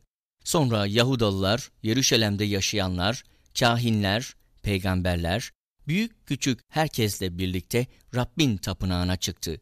Rabbin tapınağında bulunmuş olan antlaşma kitabını baştan sona kadar herkesin duyacağı biçimde okudu. Sütunun yanında durarak Rabbin yolunu izleyeceğine, buyruklarını, öğütlerini, kurallarını candan ve yürekten uygulayacağına, bu kitapta yazılı antlaşmanın koşullarını yerine getireceğine ilişkin Rabbin huzurunda antlaşma yaptı. Bütün halk bu antlaşmayı onayladı. Kral Yoşiya, Baal, Aşera ve gök cisimleri için yapılmış olan bütün eşyaları Rabbin tapınağından çıkarmak üzere başkahin Hilkiya'ya, kahin yardımcılarına ve kapı nöbetçilerine buyruk verdi. Bunları Yeruşalem'in dışına çıkarıp Kidron vadisinde yaktı, küllerini Beytel'e götürdü. Yahuda krallarının kentlerde ve Yeruşalem'in çevresindeki tapınma yerlerinde buhur yaksınlar diye atamış olduğu putperest kahinleri Baal'a, güneşe, aya, takım yıldızlara, bütün gök cisimlerine buhur yakanları ortadan kaldırdı. Aşara putunu Rabbin tapınağından çıkarıp Yeruşalem'in dışında Kidron vadisinde yaktı, ezip toza çevirdi. Bu tozu sıradan halkın mezarlarına serpti. Fuhuş yapan kadın ve erkeklerin Rabbin tapınağındaki alandaki odalarını yaktı. Kadınlar orada aşera için kumaş dokurlardı. Yoşiya Yahuda kentlerinden bütün kahinleri getirtti. Geva'dan Beerşeva'ya kadar kahinlerin buhur yaktıkları tapınma yerlerini kirletti. Adını kent yöneticisinden alan Yeşu kapısının girişinde, kentin ana kapısının solunda kalan kapılardaki tapınma yerlerini de yıktı. Tapınma yerlerinin kahinleri Yeruşalem'deki Rabbin sunağına çıkmaz, ancak öbür kahinlerle birlikte mayasız ekmek yerlerdi. Yoşiya, kimse oğlunu ya da kızını ilah Molek için ateşte kurban etmesin diye Ben Hinom vadisindeki Tofet'i kirletti. Yahuda krallarının güneşe adamış olduğu atları Rabbin tapınağının girişinden kaldırdı. Atlar tapınağın avlusunda Hadım Natan Melek'in odasının yanındaydı. Yoşiya güneşe adanmış savaş arabalarını da ateşe verdi. Ahaz'ın yukarı odasının damında Yahuda krallarının yaptırdığı sunakları da Rabbin tapınağının iki avlusunda Maneşe'nin yaptırdığı sunakları da yıktı. Onları kırıp parçalayarak tozlarını Kidron vadisine saçtı. Yeruşalem'in doğusunda Yıkım Dağı'nın güneyinde İsrail kralı Süleyman'ın Saydalıların iğrenç putu Aştoret, Moavlarının iğrenç putu Kemoş ve Amonluların iğrenç putu Molek için yaptırmış olduğu tapınma yerlerini kirletti. Dikili taşları, Aşera putlarını parçaladı.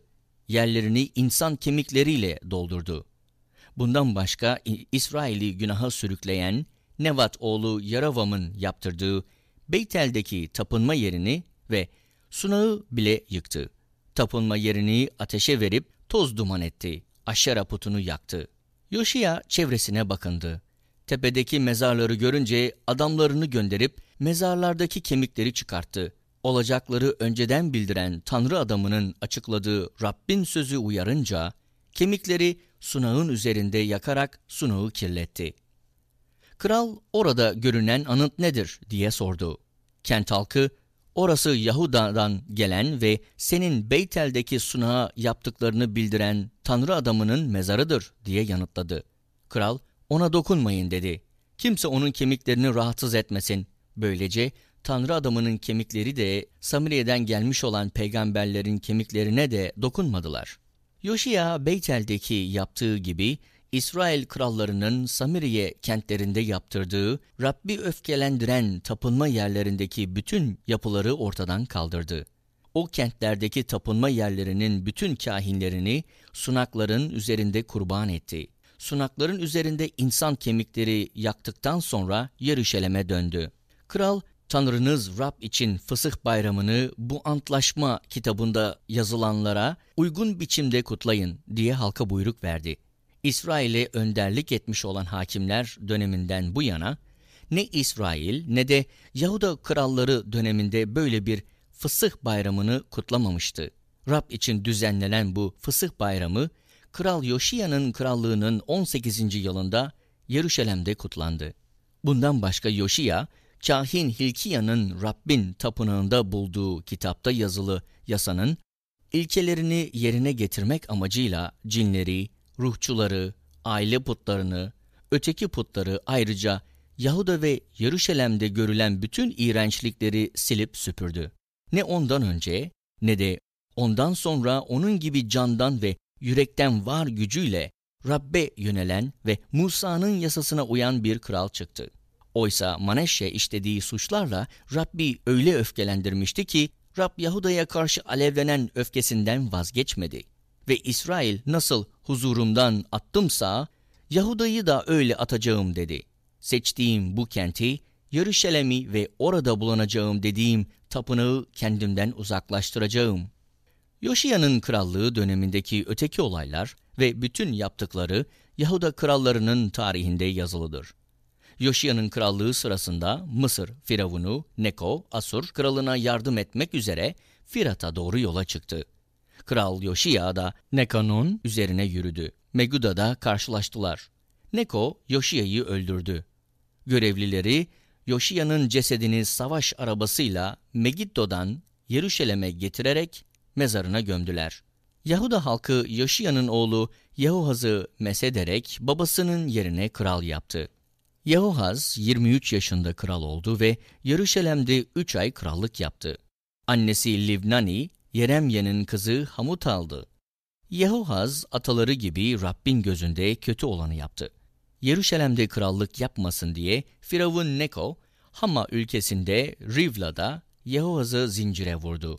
Ülke halkını 100 talent gümüş ve 1 talent altın ödemekle yükümlü kıldı. Firavun Neko, Yoşiya'nın oğlu Elyakim'i babasının yerine kral yaptı ve adını değiştirip Yehoyakim koydu.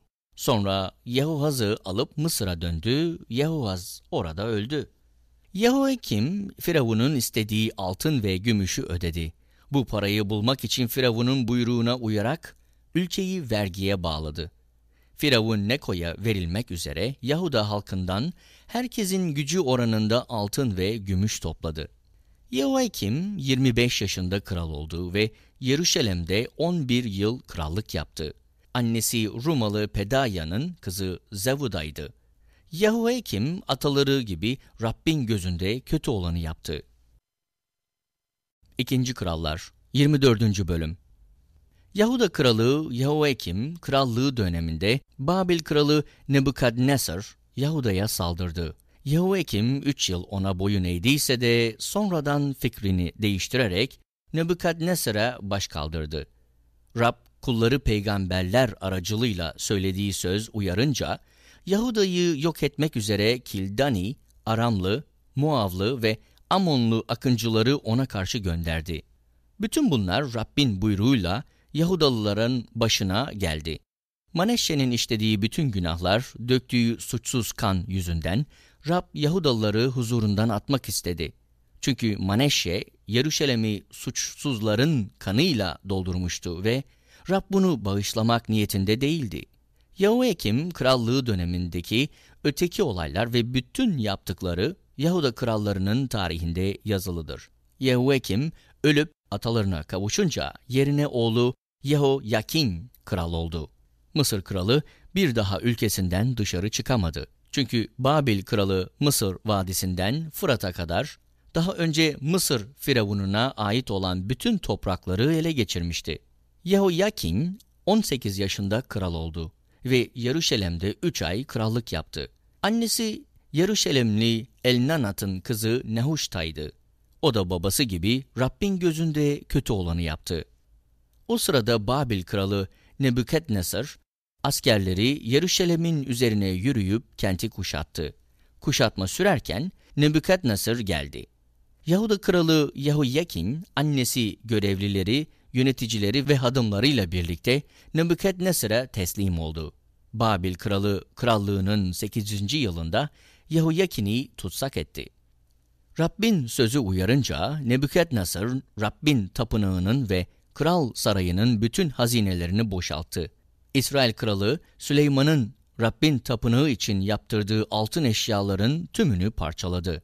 Bütün Yeruşalim halkı, komutanları, yiğit savaşçıları, zanaatçıları, demircileri, toplam 10 bin kişiyi sürgün etti. Yahudi halkının en yoksul kesimi dışında kimse kalmadı. Babil kralı Nebukadnesar, Yahuyakin'i tutsak olarak Babil'e götürdü. Onunla birlikte annesini, karılarını, hadımlarını ve ülkenin ileri gelenlerini de Yaruşalim'den Babil'e sürdü. Ayrıca 7 bin deneyimli yiğit savaşçıyı ve bin zanaatçıyla demirciyi Babil'e sürgün etti. Yahuyakin yerine amcası Matanya'yı kral yaptı ve adını değiştirip Sidkiya koydu. Sidkiya 21 yaşında kral oldu ve Yaruşalim'de 11 yıl krallık yaptı. Annesi Livnani, Yeremya'nın kızı Hamutal'dı. Yahuyakim gibi Sidkiya da Rabbin gözünde kötü olanı yaptı. Rab Yeruşalem'le Yahuda'ya öfkelendiği için onları huzurundan attı. Sidkiya Babil kralına karşı ayaklandı. İkinci Krallar 25. Bölüm Sidkiya'nın krallığının 9. yılında 10. ayın 10. günü Babil kralı Nebukadnesar bütün ordusuyla Yeruşalem önlerine gelip ordugah kurdu. Kentin çevresine rampa yaptılar. Kral Sidkiya'nın krallığının 11. yılına kadar kent kuşatma altında kaldı. Dördüncü ayın dokuzuncu günü kentte kıtlık öyle şiddetlendi ki halk bir lokma ekmek bulamaz oldu. Sonunda kentin surlarında bir gedik açıldı. Kildaniler kenti çepeçevre kuşatmış olmasına karşın bütün askerler gece kral bahçesinin yolundan iki duvarın arasındaki kapıdan kaçarak Arava yoluna çıktılar. Ama Kildani ordusu kralın ardına düşerek Eriha ovalarında ona yetişti. Sitkiya'nın bütün ordusu dağıldı. Kral Sitkiya yakalanıp Rivla'da Babil kralının huzuruna çıkarıldı ve hakkında karar verildi. Sitkiya'nın gözü önünde oğullarını öldürdüler. Kendisinin de gözlerini oydular.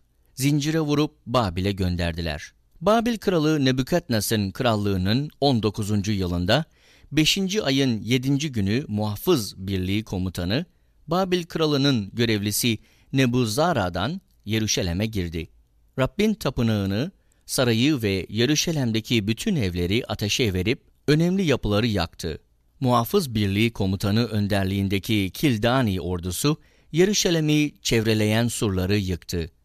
Komutan Nebuzara'dan kentte sağ kalanları, Babil kralının safına geçen kaçakları ve geri kalan halkı sürgün etti. Ancak bağcılık, çiftçilik yapsınlar diye bazı yoksulları orada bıraktı.